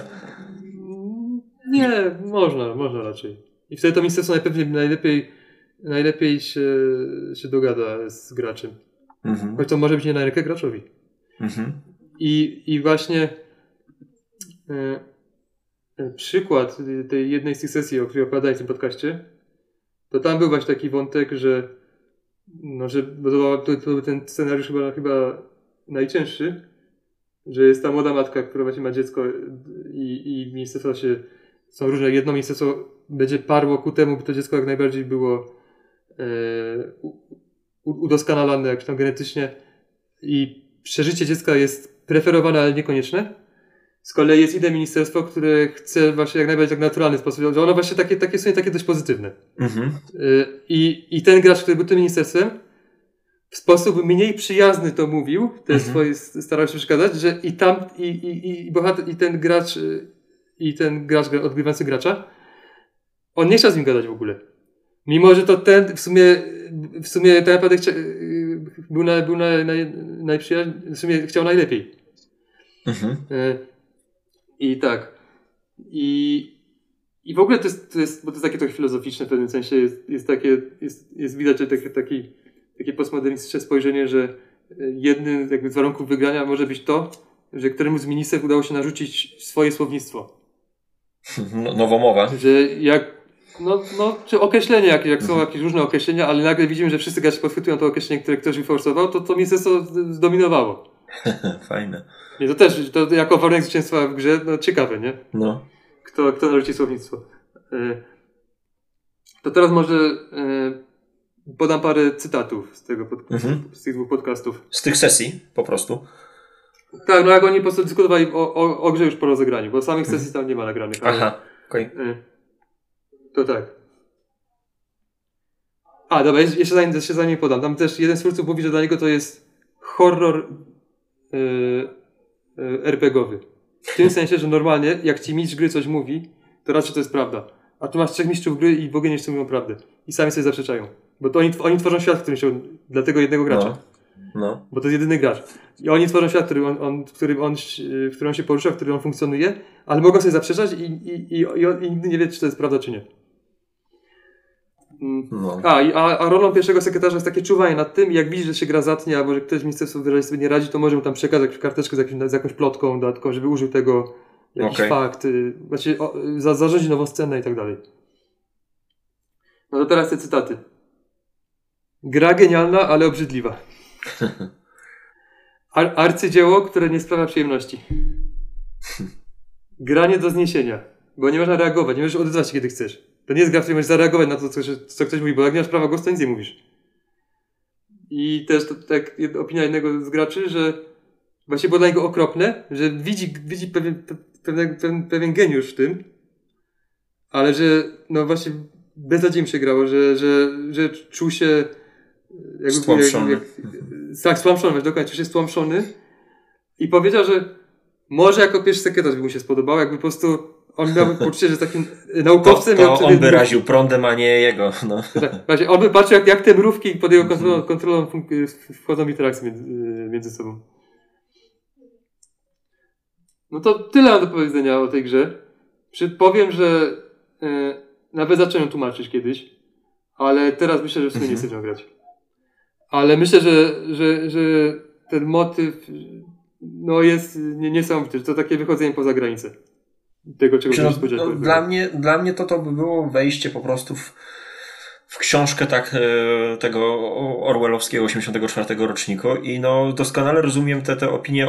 Jednej strony genialnie, czyta się to, wchłania, ale z drugiej strony jak się stawiasz na tym miejscu, no to mówisz, że to jest obrzydliwe po prostu, nie? Że wiesz, że ta postać nie ma szans na wydostanie się z, z tej machiny, nie ma szans ni, ni, niczegokolwiek zmienić w tym świecie, w którym jest i jest skazana po prostu na, na, na bycie częścią eksperymentu. No okropne, no. Mocno. Tak. E, I jeszcze mogę tak dodam, że jest też możliwość grania w 6 osób, są wtedy cztery ministerstwa. To jest takie opcjonalne. I to ostatnie ministerstwo, to czwarte, to zawsze jest Ministerstwo Spraw Wewnętrznych i zawsze celem jego jest to, żeby rozpierdzielić partię. Żeby, żeby już, żeby całkowicie się zamazała granica między prawdą a fikcją. E, I jeszcze ministerstwa nie znam kim są, więc tam też po partii gracze mogą próbować zgadnąć, kto, kto mniej więcej miał, jaki był, jak, jak mogło się nazywać ministerstwo innych, innych osób Okej, i jaki był być cel. okej. E, bo to, bo to czas, czasem się udaje, a czasem nie. No gra na pewno do dojrzałego użytkownika. No. O tak, tak. Tutaj można sobie Mm. rzeczywiście no, zrobić, że tak powiem, krzywdę e, Tak, to zbyt, zbyt e, wciągając się w, w takie gry. Ale ciekawy przykład. No, właśnie, ja tam s- słucham tego podcastu, oni tam głównie mówią o takich niszowych grach. To ta najbardziej, najbardziej wywołała mnie efekt wow, że jakie pomysły można mieć. Mhm. Y, Dobra, to przejdźmy, przejdźmy teraz do podsumowania. Jak to podsumować? Które podsumować całość, które z tych, No. które z tych gier uważam za takie, że, że naprawdę warto sprawdzić. To tak, Północ na zawsze to raczej odradzam. Mhm. Zagięcie Ali zawsze, że nie grałem, to nic nie mogę powiedzieć. To w RPGach fiasko. Myślę, że Mhm. Fi- Najbezpieczniejsze. fiasko To to, nie, nie, nie o to chodzi, to, po prostu, to jest po prostu działająca gra. To Mhm. nie jest eksperyment y, tak jak y, Min Północna zawsze, tylko to jest po prostu normalna gra działająca w- i, i, i dająca satysfakcję i, i macie multum y, settingu do wyboru. Y, można zagrać z kimś, kto nie grał i jest duża szansa, że się uda partia. Dla mnie fiasko to naprawdę to jest, to jest błysk geniuszu. Mhm. Więc No, jak no, ktoś widzisz, no, chce po- spróbować Po chce 10 ponad spróbować latach. jednostrzałowego RPG. Ktoś Po- chce spróbować jednostrzałowego RPG e, bez mistrza gry, to gorąco polecam fiasko. I czytałem dużo podręczników, znaczy, no może nie dużo, czytałem o wielu podręcznikach, a w samych kilka przeczytałem, innych takich też polecanych i żaden nie zrobił tak, takiego wrażenia jak fiasko. No kilkanaście lat ma już A. podręcznik, doczekał się kolejnej edycji, więc y, jest, jest popyt na to. Jeszcze jest y, The, chyba to się dopowiedzieć, to pisze Deluge, tego samego autora, też chwalone. Może i chwalone, ale Durens, a nie Deluge. Na szczęście kto miał wyłączyć zrobił to dawno temu, ja czuwam, Iwona. Ale wcześniej nie miałem okazji zagrać. Jesteśmy na kolonii karnej i jednocześnie grać się wciela i w strażnika tej kolonii, Mhm. na kolonii, kolonii karnej gdzieś na jakiejś planecie. Wcielamy się i w strażnika, i w więźnia. I jakieś tam ciekawe takie właśnie też relacje między tymi graczami, między tymi postaciami powstają. Ale nie zagrałem, to, to nic więcej nie powiem. No i Y, Piotr, Piotrek dobra, prosi, teraz- prosił o takie podsumowanie, tak jakby z punktu widzenia osoby, która ma za dużo gier i chciałaby wybrać taką już bardzo... No to z tych RPG, o których wspomnieliśmy, to, to fiasko. Jedyny, jedyny, jedyny, w który grałem, ale też Mhm. myślę, że, że w ogóle nie przesadza, polecając to każdemu, kto chce grać w RPG. Mhm. E, Za to e, z tych gier takich zwykłych planszowego, o których mówiliśmy, to moim zdaniem wyróżniają się dwie. Hanabi i Scapegoat. I no, przedstawiliśmy je, więc wiadomo e, e, o co się rozchodzi. Moim zdaniem obie y, mogą znaleźć miejsce w kolekcji, bo one się nie, nie wykluczają. Mhm. To nie, to one, one, one nie robią tego samego. Mają cechy wspólne, ale są różnymi grami. Jakby ktoś miał wybrać jedną, to powiem tak, mniej więcej fanu sprawia chyba Scapegoat, bo jest, właśnie ta dedu, dedu, dedukcja i, i tak dalej, ale, ale Hanabi jest pewniejszy. Bo no, tam też się jest, dedukuje, ale w trochę inny sposób. Ale też po prostu jest wiele osób, które w to non-stop y, grają na BGA. Tam są jakieś takie dodatkowe warianty potworzone. Po prostu mają setki partii, ciągle w to upalają. Więc to na 100% się nie przeje, jak ktoś to wsiąknie. Z kolei Scapegoat, to nie mam takiej pewności, czy się nie przeje. A mam Więc- pytanie, czy grałeś, kurczę, nie pamiętam jak się nazywał ten tytuł gry, gdzie wykładamy numerki, ale nic nie mówimy? Kurde, nie mogę sobie A to też... nie jest to e, Mind, coś takiego? Minds, no, no, no właśnie. Grałeś to? Nie. Nie, właśnie, ciekaw jestem jak tutaj, bo no, trochę mi się skojarzyło właśnie z to, co mówiłeś o Hanabi, nie? Że takie odczytywanie, nie wiem, po, po, po, po mimice. Znaczy, tam po, pozorne wrażenie z, Mind, z The Mind, z tego co wiem, to jest takie, że to jest po prostu w pełni losowe i po co w to grać. Ale są jakieś tam jacyś ludzie, którzy coś więcej w tym widzą. Mhm. Natomiast raczej to nie jedzie poziom Hanabi, jeśli chodzi o narzędzia, które gracze dostają. Mhm. Która wprowadziła, no, no, bardzo mnie zaciekawiłeś, zarówno i Hanabi i Scapegoatem. Tak. Więc trzy gry, które bym polecał sprawdzić z tego zestawienia to jest Scapegoat, Hanabi i Fiasko. Mhm. Dobra, to taki dajemy tutaj podium naszej, yy, naszej topki, znaczy topki, no naszego, właściwie twojego tutaj podsumowania było grane gier nad stołem w większości. No i zapraszamy po, po, po kolejny odcinek, tym razem już będą cięższe tytuły, nie? No, cięższe tam... na pewno. No. Here I Stand, yy, jakieś paksy. No zobaczymy co tam jeszcze się, się uda e, stworzyć na liście. Także dziękujemy za, za dzisiaj. Odcinek e, miał być krótki. A wyszło, wyszło podobnie jak z wywiadem. No ale dobra, fajnie, fajnie, bardzo fajnie się gadało, bardzo ciekawe tytuły. Cieszę się, bo opowiadałeś też o tym Challengers, na które miałem zupełnie inne spojrzenie. Hanabi to w ogóle odkrycie dla mnie niesamowite. No i, no i Space Goat też. E, no i pojawił się RPG, to też fajnie, bo zazwyczaj nie miałem z kim porozmawiać o RPGach, bo tutaj ani Piotrek, ani Piton nie grali, więc fajnie, że znalazła się przestrzeń i, i, dla tych gier. Także dzięki serdecznie, dziękuję Wam wszystkim, którzy tutaj nas wysłuchujecie, lajkujecie i, i e, trwacie do końca. No a dzisiejszy odcinek prowadził Irek i Galadolol. Hej, hej, cześć.